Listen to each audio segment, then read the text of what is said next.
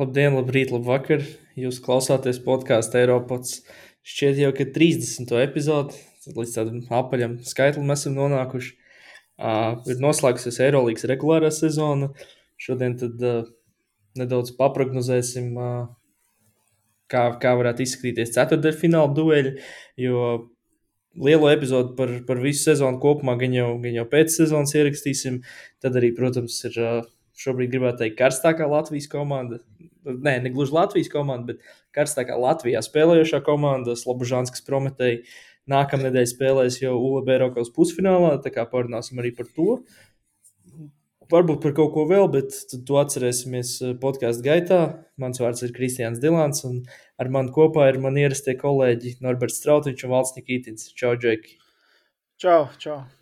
Čau, es gribēju jūs īstenībā tad, uh, apsveikt ar 30. epizodu apaļu jubileju. Pamazām tuvojamies uh, šai pusmuža krīzē. Esam, esam ceļā. Uz, esam ceļā. Virtuālo kūku ir kāds sagatavojis? Nu, nē, bet, bet būs, būs, būs, būs uz, uz 40. gan jau.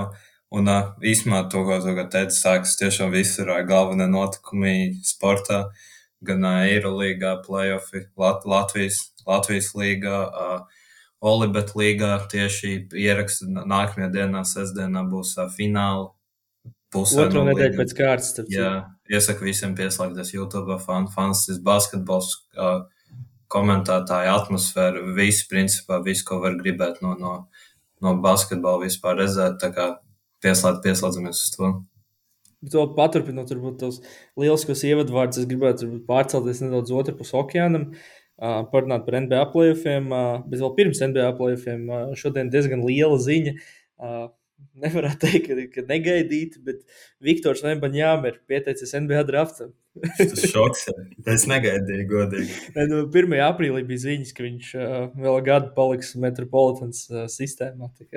nu, jā, à, īstenībā runājot par šo Nembaņām, es tieši es redzēju vakar vai aizvakar, tas bija, ka šis um, Skūts Hendersons teica, ka viņš, viņš būs, domā, ka viņš būs pirmais numurs draftā. Tā es to es vakar vai aizvakar redzēju. Tā, tā viņš domā. Nu, cik es esmu lasījis un skatījies šobrīd, tad uh, principā bija tā, ka kaut kāds 70% sezonas, nu, ja mēs reiķinām, ka šobrīd vēl iet sezona, bija tā, ka, nu, ok, varbūt sezonas sākumā bija kaut kādi cilvēki, kas daudz maz, varbūt ne gluži šaubījās, bet kam bija kaut kādi, varbūt, pretargumenti uh, pret Viktoru, teiksim, to pirmā numuru keisu. Nu, šobrīd es nezinu, vai tiešām, nu, man liekas, uz tvaika iela divi jābrauc, ja, ja tu domā, ka Viktors nebūs pirmais piks. Uh, bet uh, problēma ir ar skūtu. Uh, viņa stoks ir nedaudz nokrities. Tur bija, es zinu, ka šogad uh, draftēsies, man liekas, ap divi principā būs loterija pīki. Ja nemaldos, viņi divi, Eimens un Ausārs Thompsoni, un viens no viņiem diezgan aktīvi konkurē ar skūtu. Tur bija vēl pāris džeki, arī īstenībā, piemēram, Viktors ir palīdzējis dot spotlightu Bilalam Kulibalī, arī atletisks francūzs. Man liekas, ka viņš ir francūzs ir, un arī no Metropolitans komandas. Kā, jā, nu, tiešām Eiropieši, vismaz Eiropā spēlējoši džeki ir on the rise. Bet jā, tas ir Tā ir viena lieta par Viktoru. Domāju, jā, ka nevienam tas nav pārsteigts, ka, viņš ir pieteicis NBA draftam. Bet, uh, Trīsdesmit Vukčevičs arī pieteicās NBA jā, draftam. James, James Nagy, James Nagy arī pieteicās. Nu, tas arī, laikam, nav, tas nav no, super liels pārsteigums. No Eirolīgas džekiem tā. Bet uh, kuru jums varbūt ir šobrīd uh, šķitus tāda visaizraujošākā NBA uh, playoff pirmās kārtas sērija? Cik laikam visur ir pa trīs spēlēm? A, nē, kaut kur tagad būs trešās tikai. Kaut kur ir divas, kaut kur ir Jā. trīs. Uh, nu, man visvairāk laikam interesē Golden State uh, Sacramento. Jo sākumā skaitījās, ka baigi labi, ka Golden State ir uh, dabūjuši Sacramento pretī. Tad uh, pirmās divas spēles uh, zaudēja, un pēkšņi jau 2-0, viss streso. Dreamondam Grīnam uh, iedod, uh, nu, viņa izraida no otras spēles galotnes un iedod suspension trešajai spēlei. Uh, Nu, labi, tagad trešo spēli viņi vinnēja, bet uh, nu, tur tik un tā, tur ir ļoti interesanti, vai Stefs un kompānija atsitīs to sēriju un uh, vinnēs. Un, nu, man visinteresantāk ir to jāskatīties. Bet varbūt par to nedaudz par to uh, Dreymonda izraidīšanu. Jūsuprāt, uh, adekvāts lēmums? Manuprāt, ja godīgi, piemērots? Es, es teiktu īsti nē, Jo man liekas, ka par sabonu netiek pietiekami runāts par to visu situāciju. Jo, nu, būsim godīgi, sabons pats ir duraks. Nu, es nezinu, tā kā man neliekas adekvāti vienkārši ķerties pretiniekam ap kāju. Kurš, kurš tā dara? Ka, ka, tas, tas bija vienkārši maksimāli, maksimāls stulbs lēmums no viņa. Un, ok, Dreimons varēja nelēkāt viņam virsū. Tur varēja, nu, viņš, kā, viņš varēja kā, to vieglāk izdarīt. No viņa, jā. Jā, tā kā tas ok, bet tas, ka viņš viņam uzkāpa virsū, to, tas man liekas, nebija nekas traks, jo, ja viņš apķēra viņam kāju, tu loģiski mēģini kaut kā tikt ārā no, no tā, no tā, nezinu, tā UFC paņēmiena, un tad pēc tam viņš, nu, labi, ka viņš varēja tiešām nelēkāt pa viņu, bet man liekas, ka tur, tur uh, Sabonis, Sabonis arī jāvaino pie tā viss, nav tur gluži tikai Dreimons. Bet pagaidiet, kā tev liekas, tas bija kaut kas no UFC, vai varbūt tas bija kaut kas, teiksim, no, no Cobra Kai dojo kaut kas nu, tāds, teiksim, netīrs, netīrs paņēmiens. Nē, nu ir tāds ne, netīrs, man liekas, ka. Miyagi do tā nedarīt. Nē, Miyagi do, nē, noteikti, nē, Cobra Kai var būt. Bet, bet, nu... ja, tā, ja tā godīgi, es, es īstenībā, protams, mēs nevaram paredzēt, kā būtu, ja būtu, ja sabons nebūtu ķēries tajā kājā. Bet, nu, būsim, būsim godīgi, es domāju, visticamāk, Dreimons nebūtu kāpis viņam uz vēdera. Tāpat nē, nē, to es pieņemu. Tāpēc, tāpēc tiešām tur es, es, es īsti nesaprotu, kāpēc tā kā sabūna tik ļoti aizstāv. Tur bija tas viens tas lietuviešu kaut kāds, kas kaut ko borderline rasistiski pateica par viņu. Bet viņš, starp citu, uzreiz minēja, ka tas nav rasistiski domāts, ka viņš nu, tikai at atdarināja, kā tam lēkā. Bet, nu, protams, Amerikā tas uzreiz tika. Nu, nē, bet tas tā kā tas, tas kopumā, ja tu to tā pasaki, tas ir, tā kā es nezinu, es pasaku, piemēram, es ar kādu runāju, viņam pasaku, pirms teikuma no offense, un tad es viņam maksimāli uzbraucu virsū. Vai tas, tas to man uzbraucienu padara to, ka tas vairs nav ķip uzbrauciens, tikai tas, kas pirms tam pasaka no offense, tāds tomēr īsti un īsti nestrādā. Bet turpinot par to leitu, piemēram, un, un rasismu. Es saprotu, Basketņos podkāsts tas bija uh, tikai leišu, nu, lietviski. Uh, ja šādu uh, ja šādi būtu izpildījis Donta Divičenzo, viņš arī tā kā tēlot, ka Donta Divičenzo laikā kā mērķis. Es šaubos. Nu, nē, nu, protams, nē. Nu, tur tā kā skaidrs, tā kā motivācija nav tā kā kur super tālu jāmeklē šajā visā stāstā. Bet uh, varbūt par kaut kādām citām sērijām, uh, nezinu, man, man kā Lakers fanam uh, patīk tas, ko es redzēju pirmajā spēlē. Uh, mans jaunais mīļākais basketbols, Solstits Rīvs, nokārtoja galotni. Bet man, man tajā spēlē, bez, bez džāmurēna, diemžēl viens viens. Man īstenībā tajā pirmajā spēlē, kas man liekas visinteresantākais, es nebiju redzējis. Tāda līmeņa mačā, kā es nezinu, kā var sataisīt 15-0 rānu. Cik, man liekas, nepilnās divās minūtēs viņi sataisīja, vai ap divām minūtēm. Uh, Tur te, es, ne, es nebiju sen redzējis, ka komanda kā, tik ļoti sabrūk. Un tas Austins, Austins ir tiešām ļoti interesants kadrs, ja komandā Antonius Deivis, Leverons Džeims. Un beig, beig, beigās pēdējās minūtēs tieši viņš ir tas, kas spēlē ar bumbu un taisa epizodes. Tas, tas oh. ļoti interesanti. Tā kā tu, kā manā karjerā, es tādu darīju jau no 14 gadu vecuma. Rūjas Hačimūra vēl pirmajā spēlē bija izcils. Tas arī jāatzīmē. Viņš tomēr atvilka atpakaļ spēlē ar, ar saviem tālajiem. Kaut piecas iemet, laikam, jā, ļoti daudz. Liekas, nu, daudz viņam karjeras rekords tas bija. Pat. Tad uzreiz jautājums, ja Lakeriem tā teikt, lomas spēlētāji ir tie, kas uztais rezultātus, vai tiešām Dilanam Bruksam ir taisnība un Lebrons ir vecs? Un Nē, es, es, godīgi, es ļoti ceru un es ticu, ka būs tā, ka vienkārši pagaid, tur ir viens viens tagad, vai ne? Tur ir viens viens. Kad ir trešā spēle kaut kad? Uh, rīt, rīt vai parīt, nu, to jā, nu, jā, ok. Nu, Lebronam es... jāatbild tagad, ne? Es ļoti, es ļoti, ļoti ceru, ka viņš ieliks to 40 un tas brūks aizvērsies. Godvārds nu, ļoti drausmīgi klausīties. Kā izteiktam Lebronu talantu cienītājiem un kā, kā Lakers līdzjutējiem. Jūs saucat lietas īstajos vārdos. Nē, es esmu Lebrona talantu cienītājs. Arī var teikt, jā. Vienkārši drausmīgi klausīties, kā var kaut ko tādu runāt vispār. Tas, jā. Vēl kāda sērija varbūt? Vai? Nu, man vēl bija šī interesanti, liekas, Clipperi Sans. Tur bija interesanti, ka pirmo spēli uzvarēja Clipperi un uh, arī pēkšņi viss tas uh, prognozes vēl kaut kas mainās, uh, bet tagad arī Kavājs nespēlēja trešo spēli, lai gan pirmās divās viņš bija lielisks.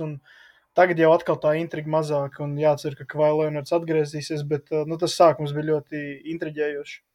Bet tur, cik es saprotu, ka vai arī otro spēli nav tas caur traumu. Vismaz, jā, ja es pareizi atceros to, to, ko es lasīju pirms tās, pirms tās trešās spēles. Es, es tieši starp citu, pirms mēs sākām ierakstīt epizodi, Twitterī lasīju, ka tad teikt, ka, ka Vais Lenards ir uh, visu laiku sliktākā NBA superzvaigzne. Un, ja godīgi, es piekrītu.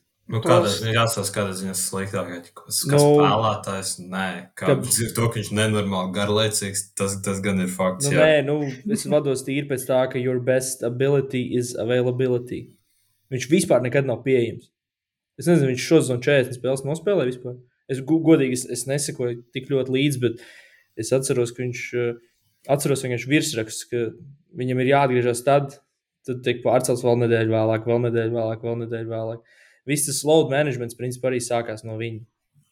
Jā, bet nu tad Antonijam Deivisam uh, diezgan līdzīgi ir. Labi, viņš tagad plēfos spēlē, bet tā vispār arī. Jā, bet es nezinu, nu, Antonijam Deivisam, man liekas, labāk karjeras cipar kopumā. Cipar, bet uh, Kavā ir uh, divkārtais čempions un finālsērijas MVP. Nu, es to lieku augstāk. Kavājs labāks nekā Edija, manuprāt. Par Kavāju man arī daļai, man jau godīgi radies tāds iespējas, ka viņam tā kā, viņam lantā, liekas, pulslēs vienalga, ķip, es nezinu. Piemēram, arī tagad viņš ir traumēts, man īsti kā nerodas tas iespējas, ka viņš censos tā kā, tā kā pēc iespējas ātrāk pavisam arī tur tikt atpakaļ. Tā tur liekas, ķip, ka viņš, uz play-offiem parasti ir, bet tā kā uz to, to regulāru, to viņam, viņam, ķip, viņam viņa bijis, nebijis tas regulārā sezona. Bet Norčs, tu diemžēl nevar gaidīt, ka pat, pat ja tu man uzliki kaut kādus visneapstrīdamākos, visneapstrīdamākos faktus uh, galdā, es vienkārši nevarētu atzīt to, ka, ka Vājs ir virs Antonija Deivisa, jo viņš spēlē kliperos. Es tagad mēģinu, un, ah, nu jā, jau kliperos. Es tagad mēģinu vienkārši domāt, vai, te, piemēram, ja tu Toronto tajā sērijā, kad eh, Kavājs uzvarēja Golden State, eh, samainītu viņu ar AD vietām. Es domāju, ka AD tur eh, nebūtu variantu uzvarēt tajā gadā Golden State. Un pēc tā droši vien tad es mēru, ka Kavājs, manuprāt, ir labāks. Nu, ok, bet, piemēram, viņš ir bijis, man liekas, viņš, ir, viņš nav bijis kaut kādā otrajā vietā vai trešajā MVP balsojumā. Viņš ir bijis tuvu MVP balvai, man liekas, ne? Kavāj vai Devis? Kāds ka vai viņš spēlē 40 spēles gadā? Nu, es nezinu, tā jau var kaut kāda problēma. nē, nē, nē, Deivis, man liekas. Es mošu kļūdos, nezinu, vai tas bija Pelikānos vai Lakers pirmajā sezonā, pirmajā sezonā. Nē, varbūt, bet, nu, jā, kā jau Valts arī teica, ir tās regulārās sezonas balvas, tās vispār nav tās, pēc kurām Kavai Leonards iet, un uh, man teikt, prātā vienkārši ienāca uh, Chicago Bulls 96. gada sauklis, ka it don't mean a thing without the ring. Un, uh, to es domāju par visām Antonija Deivisa regulārajām sezonām. Es viņam es viņu cienu par to bubble gadu, kad viņš ar Lakeriem vinnēja, bet visas pārējās sezonas man tiešām vienalga, cik viņš met. Šito īstenībā arī uz dāmām var attiecināt.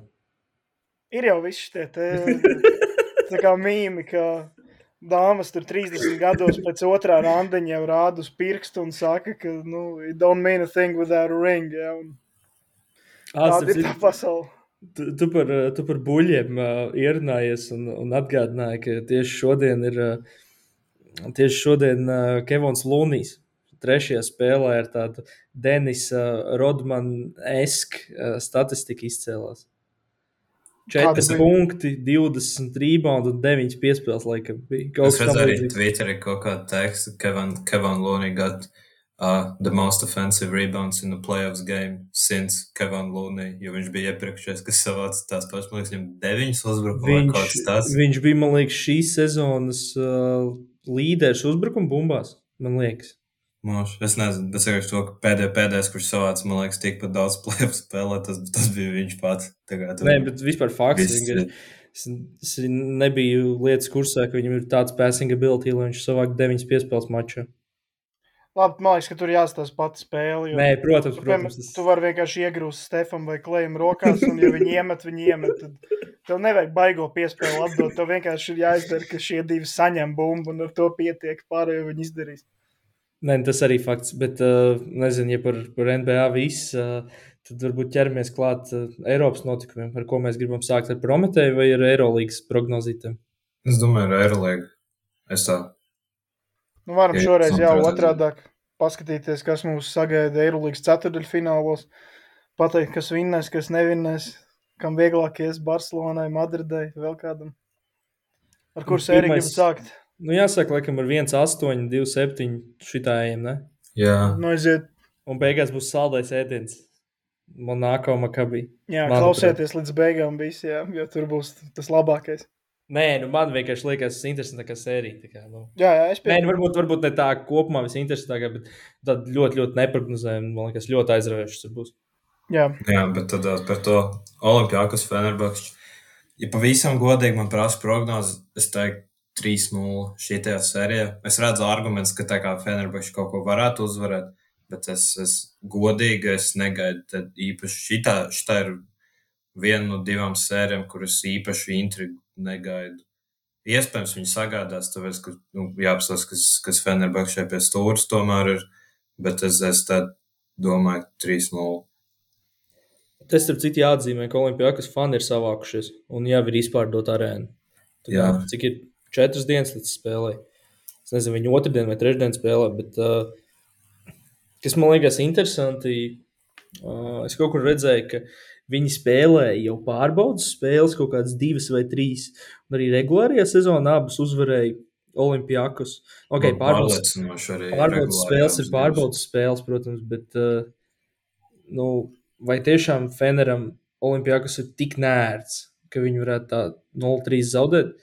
Jo Es arī vairāk slēgtos tajā 3-0 virzienā, bet es domāju, ka viena spēle mājās aizķers kaut kā Feneris.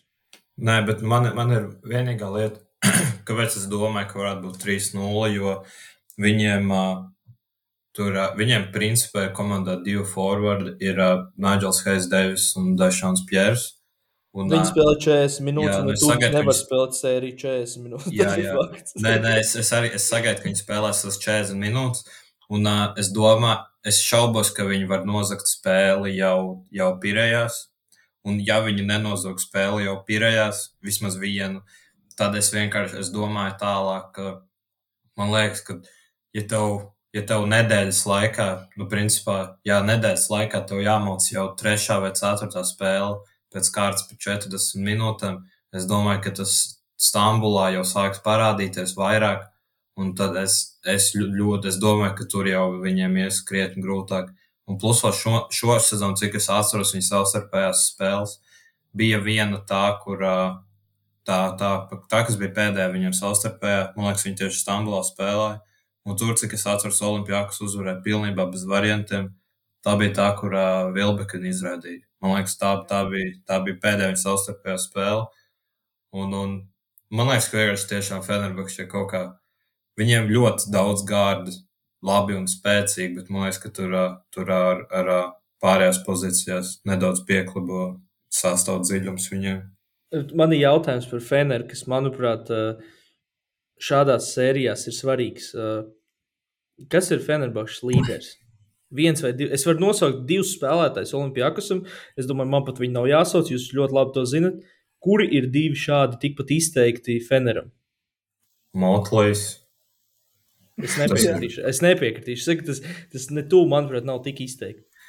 Tu vari nosaukt kaut kādus 5, 6, kas ir nu, plus mīnus. Es atvēršu statistiku, man liekas, to pat statistika pierāda, ka viņiem ir ļoti kaut kādi 4 spēlētāji met ap 10, 12, 13 punktiem. Līdzīgi kā bija, kad uh, mans mīļotais Boņas virtus bija kaut kādā brīdī, kad ja nebija neviens džeks, kurš ir 10 punktiem vidēji met. Tikai, nu jā, šī ir tāda, ka plēfos netika. Ne, es teiktu, ka tas, tas mašs cīparos nav tik ļoti, bet es teiktu, ka viens no izcelsmēm līderiem gan jau Kalatas ir, jo bez viņa es godīgi domāju, ka viņam tur diezgan slikti iet. Viņš principā vienīgais, man liekas, tā kā normālais saspēlnieks, kā saspēlnieks, tāds, kurš var kaut ko citu izdarīt, izņemot pats iemest bumbu grozu. Tāpēc es viņu liktu kā vienu, viņu un Motlīs liktu kā divus. Bet tas nav, es piekrītu, nav tik izteikti. Nu, Rekur ir uh, Motlīs 14,7. Labi, tas ir tikai vienīgi punktu izteiksmē, bet viņam 14,7, Guduričam 12,3, Vilbekinam 11,3, Nigel Heizam 11, tad ir Kalates 8,5, Dorsijas, Edvards un Dešons Pjērs. Tādi visi, kas met no 7 līdz gan arī 15 punktiem. Nu, okay, Kārsons Edvards plēfos nespēlēs, par to es domāju, mēs varam vienoties. Lai gan manās interesēs nav aizstāvēt Feneru, uh, labi, viena lieta, ko es pateikšu, ļoti svarīgi ir tas, kā Kalatis spēlēs. Ja, ja Kalatisam būs slikta sērija, tad Feneram būs slikta sērija, un tad vispār nav variantu. Ja Kalatis labi spēlē, tad parādās kaut kāda varianta. Protams, es tāpat domāju, ka trīs vai četrās spēlēs Olimpijākus uzvarēs, bet, uh, ja es aizstāvu Feneru, tad um, tas, ka nav varbūt tāds izteikts līderis, uz to jau var vienmēr sportā divējādi skatīties. Viens ir tas, ka nu, tev nav tā kā, piemēram, Olimpijākus ir Vezenkaus, kas ir tā tev galvenā figūra laukumā, bet no otras puses tu vari katru dienu cerēt, ka kāds pēkšņi izšaus un iemetīs 20. Piemēram, tur vienā spēlē to izdara Motlīs, tad otrā Dorsijas, trešajā Nigels Heis Deivijs. Katru dienu tev, tev nevajag, lai visi spēlē ideāli, tev vienkārši katrā spēlē vajag, lai trīs no pieciem spēlētājiem aizved ļoti labu maču, un tad tev ir varianti. Man liekas, trīs no pieciem baigi daudz priekš tās Fener komandas. Nu, tas arī, kā Latvijam ir viņi kā jāsaliek tā, lai tā ir viņa atbildība, lai pārējiem ir labs mačs, manuprāt. Tā tas vienkārši ir. Ah, vēl viena lieta, kur, manuprāt, pagājušais Bukers būs atpakaļ vai nebūs, neesmu redzējis. Vilkums laikam būs, ja? Es, es, es neesmu tiešām par šo video neko redzējis, jo Eiropā viņi baigi neaizraujas ar īpaši plašu informāciju šajā sakarā. Nē, es atceros, ka tieši par, par Vilbekinu un par uh, Bukeru bija tā lieta, ka viņi būs ārā līdz uh, Eirolandes regulārās sezonas beigām, un tad es nezinu, vai viņi jau ir atgriezušies. Jo... Es teiktu, ka Buker, Bukers pat ir svarīgāk tā priekš viņiem, lai, lai nav Pjēram ar uh, Heis Devis visu laiku tos 40 minūtes jāmācās. Vismaz var kaut kā sadalīt nedaudz. Tā ir brālīga. Vilbekins arī ir vajadzīgs, jo tomēr viņš, lai arī, lai arī viņš nav super izteikts viens, bet es laikam labāk pa viens redzu viņu nekā uh, Dorsiju vai Guduriču. Jo es, es godīgi es saku, es esmu diezgan drošs, ka Kārstens Edvards nespēlēs plēfos. Nē, es piekrītu. Nu, bet es vienkārši par to Vilbekinu domāju, to, ka savu būtībā visu, ko Vilbekins var izdarīt, es domāju, ka Duričs arī var izdarīt. Tā vismaz man, tā man personīgi tā liekas. Es teiktu, ka Vilbekins labāks, lai gan viņam patīk, kā mēs visu laiku runājam, mēs tos sarežģītos metienus, bet es tāpat domāju, ka viņš labāks ir kā kreators un kaut kādas situācijas var izveidot. Guduričs vairāk, man liekas, meklē, kur pats uh, nodraivot, uh, izprovocēt sodu, pats iemest tālu, kaut ko tam līdzīgu. Vilbekins dažreiz atdod pikantrolā garajam un nu, biežāk nekā Guduričs. Bet uh, Gudričam vairāk rezultātus piespēles vidē. Tas ir interesanti. Jā. Nu, es tā ir tas, ko es uz atcerēju. Nē, nē, es, es piekrītu. Man arī tāpēc sajūtām liktos. Um, Oh, starp citu, jautājums, kamēr mēs esam pie šīm divām komandām, vai mēs visi piekrītam, ka Vezenkaus ir MVP? Droši vien jā, Piekrītat? Nu, laikam diezgan tā. Uh, otrs, uh, vai Tomas Valkaps ir uh, labākais Grieķis. aizsardzības spēlētājs? Jā, vai viņš ir grieķis? Labs jautājums. labākais aizsardzības spēlētājs šo sezonu un grieķis, jā. Tā paga... bija nosakot kandidāti, vai es to NBA jaucu? Tur bija kaut mm. kādi, bet tas bija jau kādu, man liekas, pirms kaut kāda mēneša pusotru viņi nosauca kaut kādus astoņus vai ko. Kas ir vēl starp kandidātiem? Volkaps, uh, Tavares. Uh, es atceros, Rodrigs Bobabi. Tas ir viens random vārds, ko es atceros. Es liktu Alessandro Pajolu, bet tas nav iespējams. Uh... Es gan, es, īsmā, es gan jau piekrītu par, par Volkapu. Jo man liekas, īstenībā šiem aizsardzības spēlētājiem Eirolandā, cik es, es kaut kad esmu skaties, man liekas, tie mazie, nu, labi, mazie nosacīti. Tie tā kā gārdi, viņi īsti nedabū nekādu recognition šajā konkrētajā kā, balvā. Ja nemaldos, pēdējais bija Diamantīds pirms gadiem, man liekas, desmit. Mošu vēl sanāk. Un, un nu, tīri pēc tā, ko, ko redz laukumā, es, es, es piekrītu par, par Volku. Ir, ir viņš arī gādājis. Nē, nereāli fizisks. Tā kā tiešām nereāli Jā, fizisks. Ļoti vīrišķīgs. Tās ir arī lieliski. Šitās ir citu arī grieķu cīņa. Būs tādā ziņā, ka tev būs uh, gandrīz vienā tajā pašā pozīcijā Volkaps pret, uh, pret Dorsiju. Lai gan viņi laikam arī kopā var grieķi, principā. Nu, viņi laikam arī kopā var spēlēt. Es vēl arī tīri par to, ka Slukas pret Kalates arī. Principā nu, četri, četri grieķi gārdi, vien, vien, visi viens pret otru mākslinieks. Un Barcokas ir uh, grieķis pats pēc izcelsmes. Jā, nu, principā, Tūkas arī pretī. Adams Hānga 16. un 17. gadā bija labākais aizsargs arī. Ah, okay. Es vienkārši šajā Volkapa sakarā domāju, ka es neesmu redzējis tāds, man liekas, viņam ir arī daudz stilu, tur ap diviem spēlēm un tam līdzīgi. Bet, Viņš nav uh, līderis līgas. Varbūt, bet es tīri par to, ka to impaktu, nu, kā, nu, ko aizsardzībā Eiropā laikam rēķina bloks un stils tikai, jā. Nu, un pēc tiem tu nevienmēr vari pateikt, piemēram, Latvijas līgā, ja ir Artis Ata, un, piemēram, viņam tur stila bloki mazāk nekā citiem, bet uh, nu, man ir skaidrs, ka, kā, ka viņš labāk sadz par lielāko daļu tiem, kuriem ir tie cipari. Ja? Un es domāju, ka Volkaps kaut kādā ziņā arī. Es nezinu, laikam viņam ir tie stili, bet pat ja nav, tad ir tā, tu uz aci redzi, ka nu, tas ir bijis citādāk nekā Džeks, kas vienkārši nogembolo kaut kur un pārķer tās bumbas.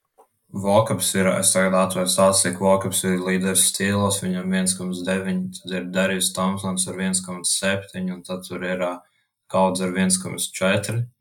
Un, un Tī, gan jau, ja viņi, ja, bet, ja viņi dotu tīri pēc statistikas, tad gan jau beigu beigās iedot atkal Tvarisam, jo viņam blokos ir milzīgs pārsvars ar pārējiem. Viņam vēl bija sezonas bloku rekords, bet es, es esmu šajā balvā, es esmu par bloku arī. Bet man, es, man es, jādod viņam. Es godīgi teikšu, ka manuprāt, Eiropas basketbolā pēc FIBA noteikumiem uh, Viņi ir ļoti, ļoti parocīgi tādam džekam kā Tavares. Nē, Eiropā gar, garajiem ir, ir priekšrocības. Tur viņam arī. Nu, Viņam jā, jāiet pēc NBA tendencēm. Iedod pagājušajā gadā Smartam, tagad jādod Volkapam. Nē, nē, es esmu pilnībā par Volkapu. Es arī ceru, ļoti ceru, ka viņam iedos. Okay, kas jums, jūsuprāt, eh, es vienkārši jautāšu šo jautājumu, jo man ir eh, tas viens duels padomā Makabī un Monako sērijā. Kas jūsuprāt šeit būs tādi Uh, varbūt ne gluži pirmā plāna aktieri, pirmā plāna spēlētāji, kas, nu, kā mēs zinām, tur Vēzenkaus, Lukas un, un šis te leģionāru, kādu leģionāru līderu, tā kā vadošais piecinieks Fenerā, ko mēs nosaucām. Kas būs tādi otrā plāna aktieri, kas, kas spēlēs ļoti svarīgas lomas? Nu, es domāju, X faktori. Es teiktu, Lorence Akis un Šakils Makīsīks. Lai gan viņi tāpat diezgan lielu lomu spēlē. Bet, nu. Man liekas, ka mums nu, tam ir jābūt labam. Viņš Papa Nikolau, man liekas, viņš ir nedaudz šajā komandā otrā plānā aktieris, bet viņš, viņš ir ļoti, ļoti svarīgs. Un Makīsaks īstenībā, Makīsaks ir principā katru reizi, kad viņš uznāk uz pārkats, viņš vienmēr ir X faktors. Viņš, tev, viņš var izšķirt vienītīs spēles, un viņam arī jā, pietiekami regulāri gadās tādas, kur no viņa laukuma jēga ir praktiski nekāda.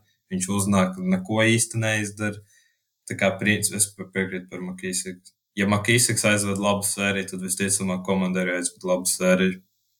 Ah, nu vēl kas īstenībā šeit ir svarīgi, jau nedaudz tā kā Final Four virzienā raugoties. Uh, nu, cik gadus jau nav uzvarējis, uzvarējis pirmais sīts? Ok, es neiešu varbūt tik tālu līdz, līdz Final Four, bet uh, kā jums liekas, ietekmēs kaut kāda ceturtdaļfināla sērija? Varbūt mēs tomēr varam sagaidīt kaut kādu pārsteigumu. Nē, es domāju, es domāju ne. nebūs, tik, nebūs tik vienkārši iespējams. Kā, pat ja būs 3-0, es negaidu, ka Olimpijākas pārbrauks pāri katrā spēlē pa 20. Bet tā nu, nav tomēr ar tām komandām tik milzīga atšķirība, lai, lai viņi tur pilnīgā pauzē varētu tikt pāri. Tāpēc, nu, gan jau vismaz kādā spēlē kaut kādas problēmas tā Fenerbakšs sagādās. Jo viņiem tagad ok, viņi sezonas beigās sāka lažot, bet tagad tas sastāvs tāpat ir pietiekami labs. Tur, tur nav gluži nekāda amatieru pretī. Un, un es, jā, būs interesanti. Tad. Nu, jā. ne ļoti, es negaidu, es negaidu, būs ļoti interesanti, bet, bet nebūs noteikti tik viegli iespējams, kā varētu likties, kā būtu jābūt tā sērijā, kur pirmais pret astoto sīdu spēlē. Bet, ziniet, kas ļoti interesanti, ka viņi principā bija kaut kādā 3, 4 punktu attālumā, vai cik tur bija no, no 5. sīda. Jā, jā, nu tur bija ļoti, ļoti tuvu viss. Un varbūt, nezinu, ba iespējams, Barcelona uzskata, ka viņi ir to labāko lozi izvilkuši ar otro sīdu un dabūjuši manu kauņu žalgiri pretī. Pagaid, vēl, vēl pēdējā lieta no manas. tieši par šo sēriju es jūtu, ka tu jau velc uz, uz, uz nākamo sēriju. Pagājušajā gadā uh, Monako aizvilka Olimpijākos līdz piecām spēlēm. Vai jūs, prāt, šī Fenerbahčas komanda ir labāka par pagājušā gada Monako? Jo es teiktu, ka varbūt. Uh, Nē, es teiktu, ka kopumā, nē. Kopumā iespējams es pat liktu šo Feneru virs tā, bet viņiem bija tāds kungs kā Maiks Džeims. Tas individuālais talants vienkārši. Es kā kopējā spēlēs palīdz. Kopējā tā teikt, talantu, talantu, kopējais talantu, es nezinu, kāpēc talantu basēns Fenerbahčā iespējams ir dziļāks un labāks, bet, bet šī gada olimpiākas ir vēl stiprāks par iepriekšējā gada olimpiākas arī. Jā, tas, tas ir arī, svarīgi ļoti. Viņi, tā, ok, vārdu ziņā tur plus mīnus, tā kā tie tur visi izpildīja tie paši, bet, nu, tur varēja regulēt. Es esmu redzējis, ka viņi tagad ir krietni labāk nekā viņi bija pagājušajā gadā. Un, starp citu, ja Vezenkovs neaizbrauks uz Sakramento vasarā, tad uh, izskatās, ka te varētu veidoties tāds nākamais uh, EFS stāstīns. Jo tikko ir pagarināts Volkaps un, un Makīsiks. Un plus vēl Volkaps, kā jau minējām, ir grieķis. zini, zini, kā, bēdīgi, ja zini, kā tu, manuprāt, tagad runā? Tā kā Memphis, tā kā tu nospēlē tur labu regulāro sezonu, kaut ko bišķiņu uzvar un sāc stāstīt apmēram, ka te jau kaut kāda dinastija ir vispirms Olimpijākusam ir kaut kas jāuzvar, un tad tikai mēs varam runāt, manuprāt. Nē, nu labi, ok, ok, labi, protams, līdz dinastijai vēl ir tālu, bet eh, nu, tā komanda pavisam nesen bija vienā no saviem teiksim, vēsturiski zemākajiem punktiem. Jā, nu, ar Līdzīgi kā, kā, tagad... kā, kā ar Panatu tagad. Kā... Jā. Viņam īstenībā, par ko viņus var uzslāt, ja nemaldos, viņu valka pagarināja bez mazais trīs vai četriem gadiem. Viņam, man liekas, viņam ļoti garu līgumu iedod. Un Makīsiks bija uz divām sezonām, man liekas, no šī brīža. Tā varētu būt. Un vēl viena lieta, ko es nesaprotu, kā viņi visu laiku to vezenu kaut pagarina par tādām puskapēkām. Šitajā stāstā es nevaru iebraukt. Kā viņa, viņš ir īpaši, viņš šīs sezonas laikā, kas viņam ir karjeras sezona, es nezinu, kā viņi var parakstīt tik relatīvi lētām naudām. Jo tā kā viņš dabūja jaunu līgumu, viņš dabūja vairāk nekā iepriekšējā, bet tur, tur viņš nav, tad, man liekas, joprojām ne top 10, un iespējams arī ne top 20 apmaksātākais spēlētājs līgā. Es nezinu, kā viņa aploksņa alga. Tas, tas var būt. Jā. Grieķijā tur ir tāda interesanta finansiāla situācija bijusi vēl pavisam nesenā. Es domāju, arī joprojām nav sanācis gan pabūt, bet tur ir interesants lietas noteikti Grieķijā. Bet, uh, es nezinu, varbūt viņi kaut kā vadās pēc kaut kādām Bulgārijas cenām. Es pieļauju, ka tāda samērā lēta zeme. Viņi saka, nu, kam tev tos ir 3 miljonus? Tur Bulgārijai pietiks. Nu. Gan īstenībā interesanti, īstenībā interesanti, kur viņam varētu būt rezidents. Jo, ja nemaldos, viņam arī kaut kāds Kipras saknes un arī kaut kāds Grieķu saknes bija. Viņš kā visās šīs trīs izlases, vai pat Serbijas. No Serbijas man, man liekas, ka nebija. Grieķijas Serbijas bija Denijam Avdijam. Jā.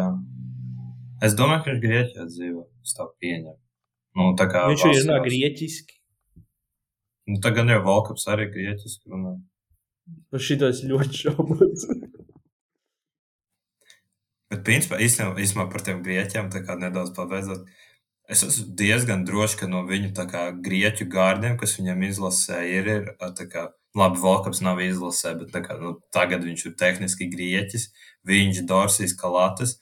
Es Sluks. godīgi šaubos, nē, nu, Slukas, Slukas, es neskatu šajās, tā kā okay. no šiem trīs, ko es nosaucu, es ļoti šaubos, ka kāds runā grieķiski. Es person, es domāju, ka ļoti šaubos par to, ka viņam tehniski ir principā trīs amerikāņi, bet nu, kaut kā legāli viņam tas ir sanācis.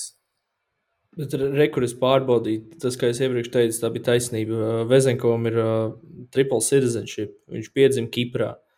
Un uh, bulgāru sakņu dēļ viņš pārstāv Bulgārijas izlasi. Viņam ir arī Grieķijas un, jā, un Bulgārijas pasis loģiski.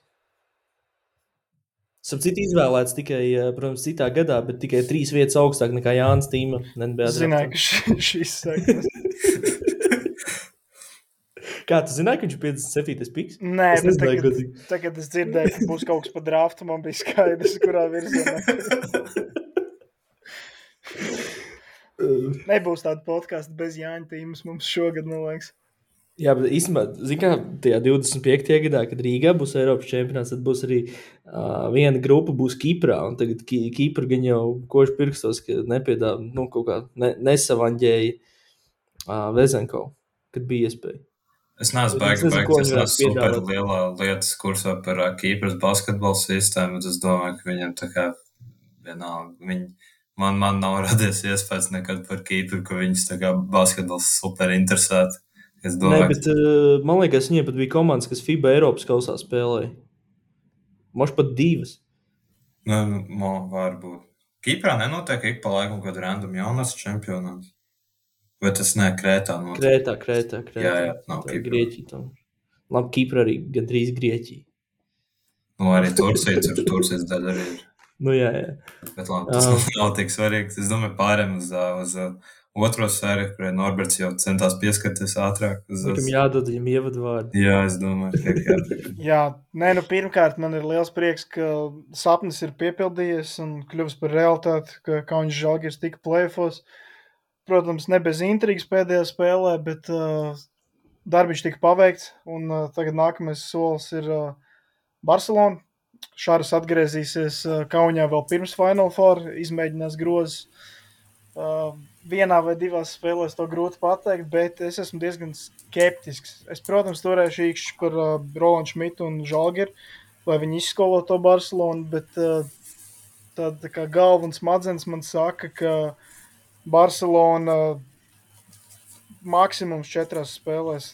Nu, piecas mm, taču nebūs, manuprāt. Varbūt trešo spēli uz fanu rēķina eh, Žalgiris uzvar, bet uh, es domāju, ka vienkārši Barcelona ir pārāk daudz kvalitātes, pārāk daudz uh, veidi, kā apspēlēt.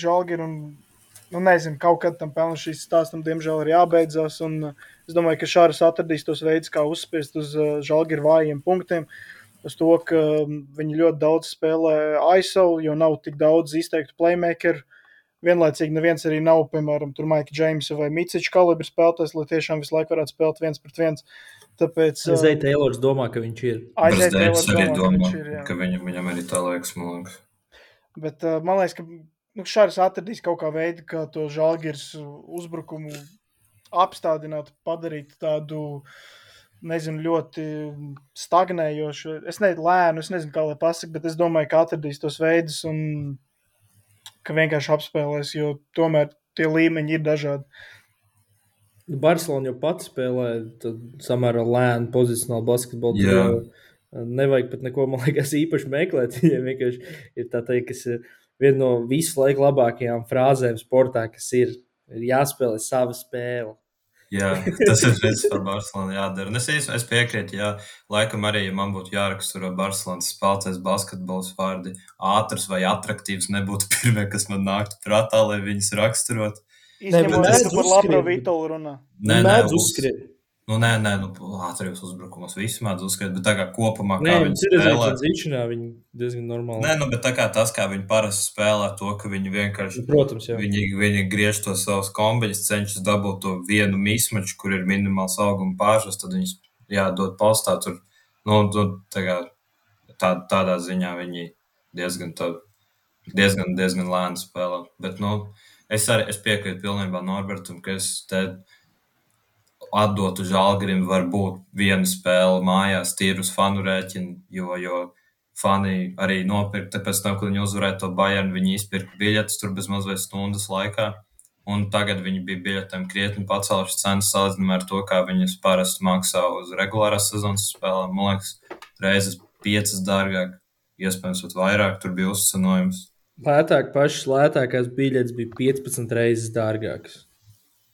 Jo, cik Jā. es atceros, uh, uh, viens paziņš pirka biļetes uh, aiz groza trešajā stāvā.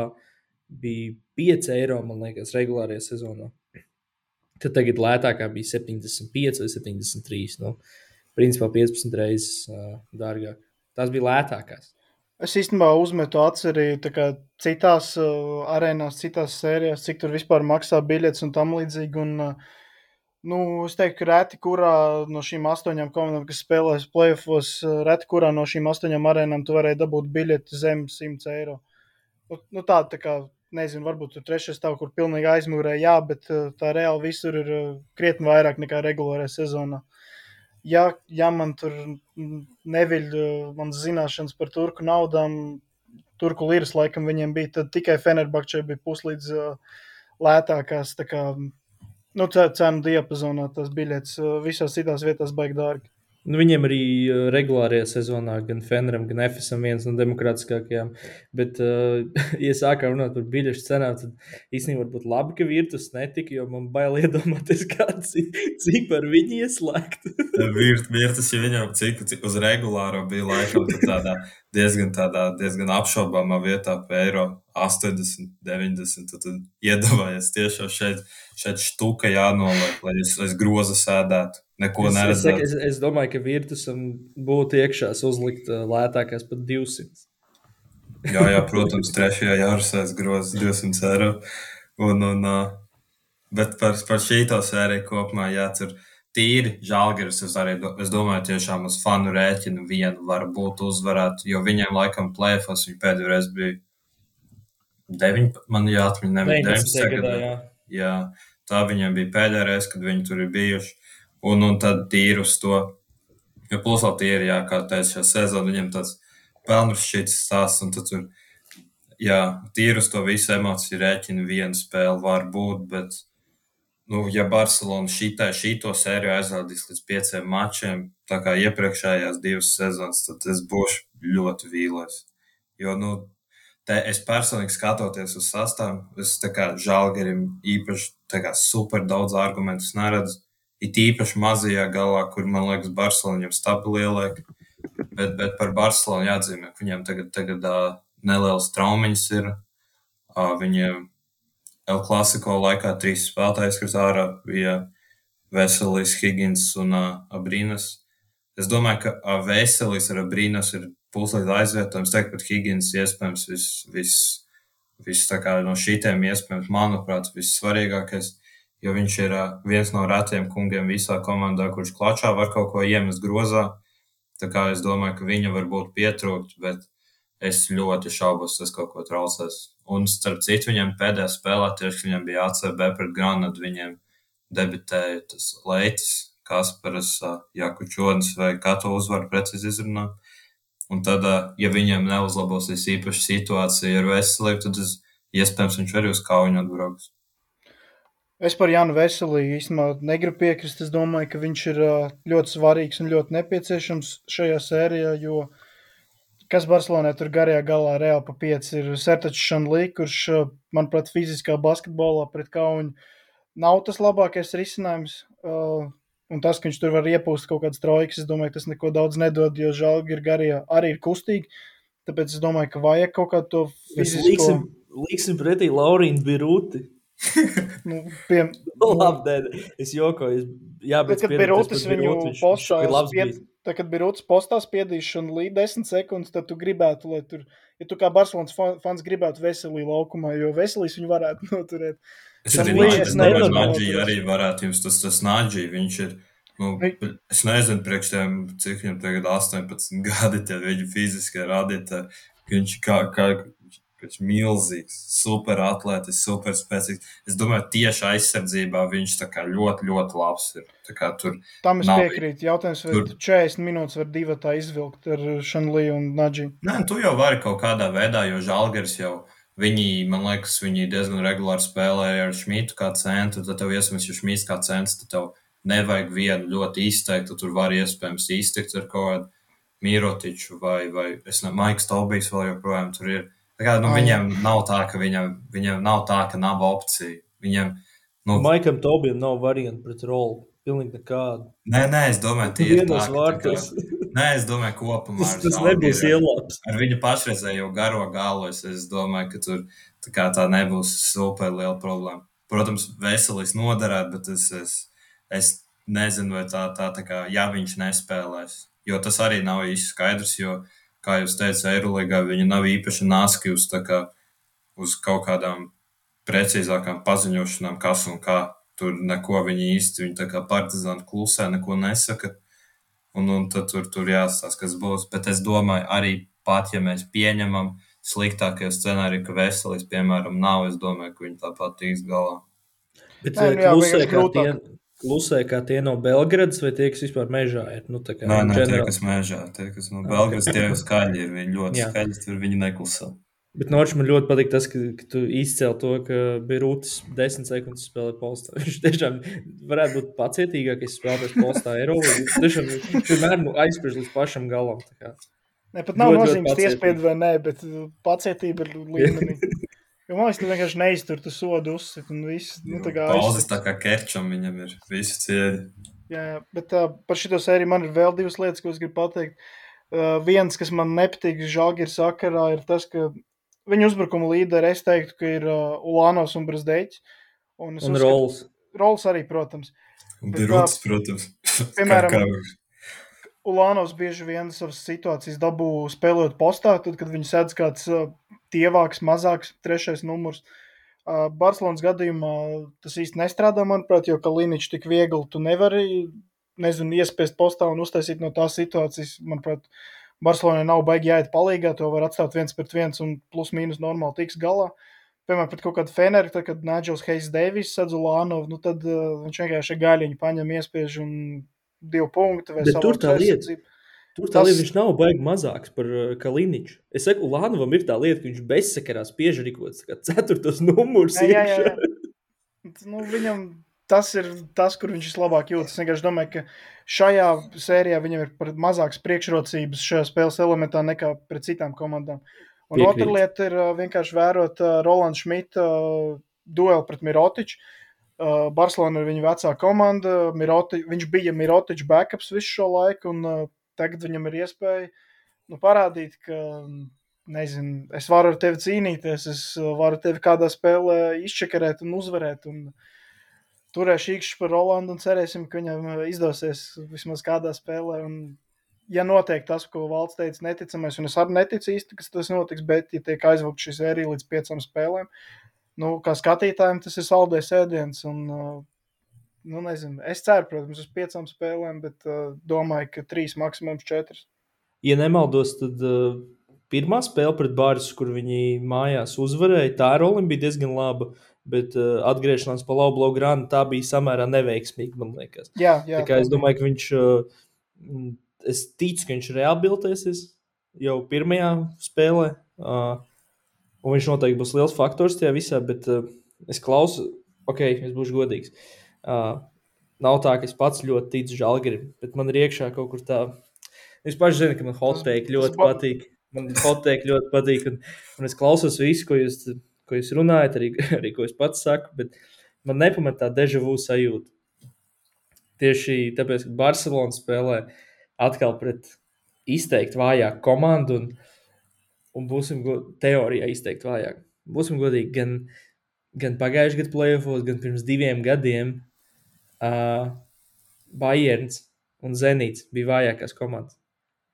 Bayernam pagājušajā gadā vispār viņiem tur bija diezgan liela lazareta, kas tur Kas Korijs Valdens bija izkritis. Uh, Hiljards. Hiljards. Kas tur spēlēja? Jāramas? Jāramas, okay. Jāramas, Jāramas, principā, gandrīz Jāramas viņas tajā 5. mačā uz Rūča jārā, principā. Tur tā 5. mačā puslaikā, ja nemaldos priekšā, pat bija Bayerns.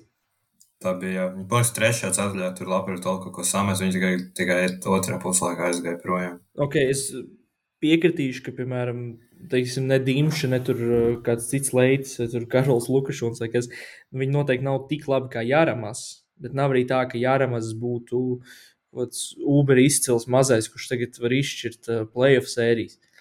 Tā kā, man liekas, tādā ziņā Žalgiris ļoti līdzīgs tam pagājušā gada Bayernam. Un, uh, protams, Maks Vītis nav tik ļoti pieredzējis, varbūt tieši Eirolandā, viņam šī laikam otrā sezona Eirolandā. Jā, viņš man liekas, Neptūns trenē. Viņš Neptūns trenē, jā, viņam ir otrā, otrā sezona. Tagad, manuprāt, es kaut ko neesmu palaidis garām. Trinkjēri ilgāk bija kā Eirolandā, tā tālāk, bet uh, arī tāda līdzvērtīga treneris būtu tādā ziņā, ka, ka no underdogiem izspiež vairāk varbūt nekā, nekā, nekā kāds cits treneris būtu paveicis. Un es ko nezinu, man ļoti nepārliecina tā Barcelona. Tas varbūt arī tāpēc, ka nav mana mīļākā komanda. Līdzīgi jau kā Valtam. Un tāpēc es kaut kā gribētu cerēt uz to brīnumu. Un arī par tiem aizsargiem, piemēram. Visiem skaidrs, ka tur nav Taylors uh, izcils, un viņš var tur pats stāstīt, ko grib par to, ka, ka viņš ir plēfos un FS nav. Bet, nu, nu, būsim godīgi, ko viņš tur FSA izkost Šeinu, Vasu, Bobuā, Laišu Brainu, nu nē, beidziet. Uh, un ar visu to, ka viņiem tur iztrūkst veidotāji, ka viņi vispār straglo ar tiem mazajiem, ir problēmas, vēl kaut kas nu, grūti pret kaut kādiem presingiem, vēl kaut ko. Viņi kaut kādā veidā ielīd tajos plēfos. Kaut kā viņi tur tika. No aizsardzības. Nē, jā, bet viņiem arī kaut kādā nav. veidā uz tām izšķirošām spēlēm, man liekas, ka viņiem kaut kādā ziņā arī nedaudz sagāja, ka tie pretinieki, manuprāt, nebija super motivēti. Jo tur, man liekas, ka no tām, tām kas viņiem, no visiem, kas viņiem nāca tur pretī, tur neviens īsti par neko necīnījās. Tā kā viņi uz papīra cīnījās, man liekas, Makabī tehniski par augstāku vietu. Bet tā Nē, kā nu, viņi... sāksim, Nē, Makabī no, cīnījās. Sāksim no, no kas, kas bija janvārs vai kad, kad, kad izkrita Evans. Sāksim no tā brīža. Tajā spēlē tika Feneris piesists pa 20 punktiem pilnīgi bezcerīgi. Vienīgais, kas, kas man, kas man, man bažī, ir tas, ka uh, viņi ir nenormāli smagi zāģējuši izbraukumos šajā sezonā. Tāda tā kā, tāda virtus stiliņā nedaudz. Viņi tur ir atrāvušies. Viņi atrāvās, man liekas, Barsā arī diezgan traki. Nu, salīdzinoši diezgan bez variantiem. Viņi tur reāli spēles pēc kārtas, man liekas, par 20 plus atslēgu. Jā, jā, jā tur ir. Pret, uh, pret Panatu bija, pret Efesu bija izbraukumā. Nu, izbraukumā viņi ir diezgan smagi zāģējuši. Un problēma ir tāda, ka tev viena spēle izbraukumā, gribot, negribot, ir jānozog, ja tu gribi uzvarēt šo sēriju. Nē, nē, tas man arī īstenībā liekas kaut kāda, es nezinu, ķīpa, kaut kāda dīmpa, kaut kāda tāda džeka dīmša, un liekas, ka viņam kaut kā viņam pie tām kaujas tribīnēm viņš, viņš domā, ka viņš ir labāks nekā viņš īstenībā ir, un tad viņš arī krietni labāk spēlē. Bet to, ko pirms tam teicu par tiem iepriekšējiem gadiem, es īstenībā nebiju aizdomājies, ka arī tie treneri, kas nāca toreiz pretī pret Barcelonu, gan Zenīt, gan, gan Bayern. Tur... A, kas trenēja Zenītu? Paskals bija. Paskals, jā, tomēr tā kā, nu, nu pastīsimies reāls lietām, Paskals ar Trinkjēri ir kā, Eiropā krietni pieredzējušāki un uz papīra labāks treneris nekā Maksvītis. Un, uh, tad... Maksvītis vienkārši nepareizie tirgu strādāja iepriekšējos gados. Nē, jā, jā, viņš, viņš, viņš tur viņš ne tur bija. Un, uh, to, ko pirms tam vēl, vēl atgriežas, pirms tam to, ko Norberts minēja par uh, Kaunas diviem līderiem, par, uh, par Lānovu un Brazdēķi. Par Brazdēķi es jau iepriekšējā epizodē jau to, ko mēs runājām pirms, pirms tam pirms pēdējās kārtas. Es teicu, ka man nepatīk, nepatīk skatīties. Nepatīk uz viņu skatīties. Tā spēle pret Bayernu vēl jau vairāk manu šo viedokli pastiprināja. Šis tajās briesmīgi, jo viņam, viņam viņš gribēja mest visu pa grozu.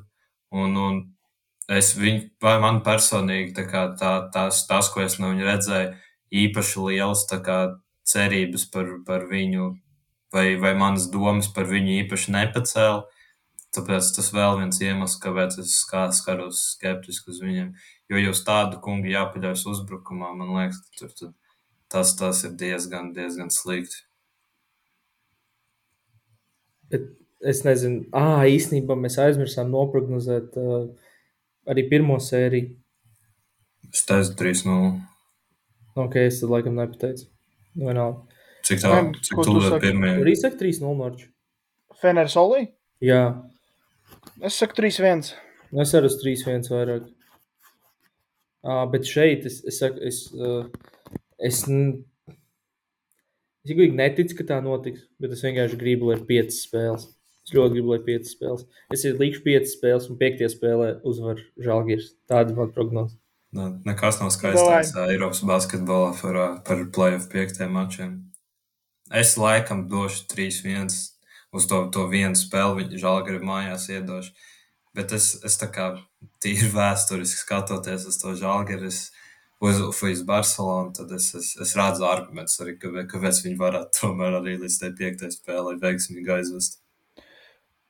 Nu, es kā žēlgars fans caur sāpēm un uh, lieliem pārmetumiem pašam sev teikšu 3-0 Barcelonu. Ārprāt, tas ir ļoti, ļoti ārprāts. ārprāts. Tā ir no, nodevē visu. Bet, uh, nezinu. Bet, ziniet, kas vēl, man liekas, samērā svarīgs aspekts, piemēram, ja, ja nonāk līdz tai piektai spēlē. Okay, ja mēs spiediens ir uz Barcelonu. Pirmkārt, nu jā, tāpat kā iepriekš, bet, ja mēs salīdzinām, piemēram, kā, star power komandās. Es Nu, zinu, ka šis, šīs izklausās ļoti karsti, bet uh, tā atšķirība starp Žalgiru un Barcelonu šogad nav tik liela, kā bija pagājušajā gadā starp Barcelonu un Bayernu, starp labākajiem spēlētājiem. Jo Mirotičs šogad ir švakāks. Un kas bija pagājušajā gadā? Bayernam Lučičs. Ok, Lučičs bija labāks pagājušajā gadā, bet īstenībā Lu- Lučičam pagājušajā gadā nebija kaut kāds karjeras gads. Viņam bija ļoti labs Viņš nebija pierādījis. Nu, labi, ok, tad es to galīgi aizšu garām. Bet, jeb, jebkurā gadījumā es tiešām domāju, ka uh, Barcelonai piektajā spēlē var traucēt tas, ka vienkārši Mirotičs vairs nav labākais spēlētājs līgā. Pag- jeb- Agrāk bija tiešām tā, ka vienkārši viņam iedod tie praktiski punkti. Viņš klačā viņš bija izcils praktiski. Es atceros, man liekas, tas bija pret CSK vai pret ko viņš ielika to. Viņš griezās uz baseline un met faderu. Tas man tāds viens metiens, kas palicis atmiņā no viņa. Pagaid, kad?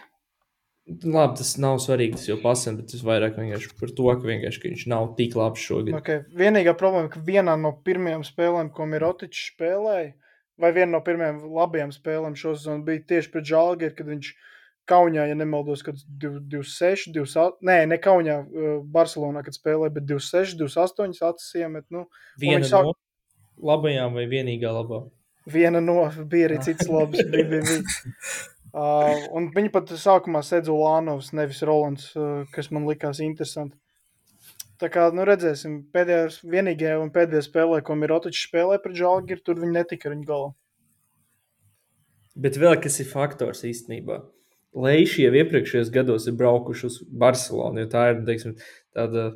Labi, laikam arī Baskonija kvalificējās, bet uh, bez Baskonijas tad Lietuviskākā komanda. Un Lietuvieši ļoti daudz uh, brauc atbalstīt uz Barcelonu. Arī Donāts Urbons tur bija pagājušajā gadā. Uh, tur bija tās viņa reportāžas, šo kaut kas, ka tur tiešām bija ļoti daudz lietuviešu. Un atšķirība ir tāda, ka šogad iespējams tur aizbrauks tikpat lietuvieši. Bet uh, viņi šogad neatbalstīs Bārsu. Tas arī, tas arī faktors.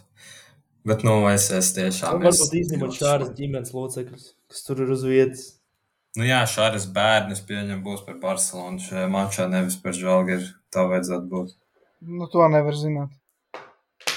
Tomēr tagad tu, viņi jau varbūt nav tā kā es, kas teku, nodod komandu uzreiz, bet uh, tagad tev tu ieaudz ar tām žalgiru saknēm un, nezinu, to lēšu raksturu, varbūt tās tās lietas, kas neiet prom.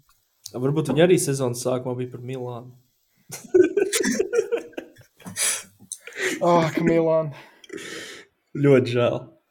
Tā virzamies tālāk. Jā, Tev jāiesāk, laikam, ne?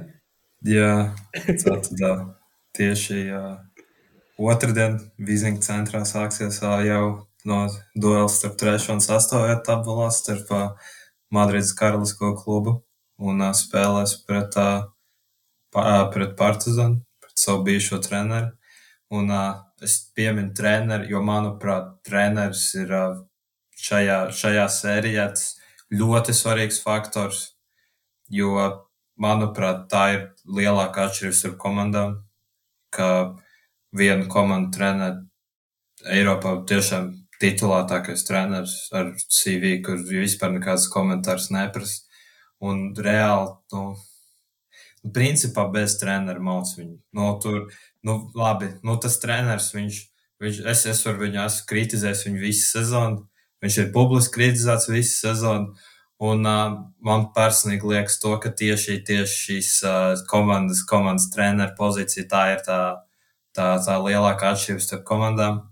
Jo viņi sastāvziņā es īstenībā uh, vien, viena, viena galvenā atšķirība, kas man liekas, starp, starp tieši skaidrs spēlētājiem, tas, ka Partizāna, man liekas, ir uh, relatīvi īsāks soliņš. Nu, salīdzinājumā reāli noteikti viņiem ir, jo, jo nu, reāli, principā, ir tur 15, 16 spēlētāji, bet uh, tagad reāli arī neliela problēma ir ar traumām, kas ir slikti, jo uh, Borjē ir ārā, un tur arī es nezinu, kad viņš būs atpakaļ, cik es redzēšu, viņš varētu playoff sākumu nebūt atpakaļ. un ja viņš nav, tad tur rodas īstenībā diezgan liels problēmas, jo tad tev paliek viens centrs tikai, Pret Lesortu. Jā, un pret Lesortu tev visticamāk vajadzētu, vajadzētu kādu citu arī drošībai, jo, ja tavares, piemēram, dabū, dabū piezīmes ātri, tad tur ir diezgan smaga situācija pret to Lesortu, jo tev ir Tur ir, ir opcijas, protams, ko tu vari darīt. Tu vari liekt šo Korneliju, bet viņam problēma, ka viņš ir klients aizsardzībā. Tad ir, ir, ir Randolfs, kurš īsti viņš tikko atgriezies, un viņš ir arī principā vienu vien normālu spēli nospēlējis, kopš viņš atgriezās.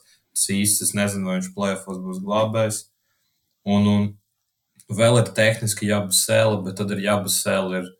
Viņš ir vienkārši, viņš ir, tas, viņš ir īsāks nedaudz, un tad tur ir rod, rod, rodas automātiski problēmas ar atpakaļšiem bumbām vispār. Jo tā kā tur garais gals īstenībā būs ļoti interesanti un, un reāli un galvenais, lai principā visu viņu, visu viņu veiksmi savu būtību atkarīga no tā, vai tu vari dabūt piezīmes vai nedabūt piezīmes.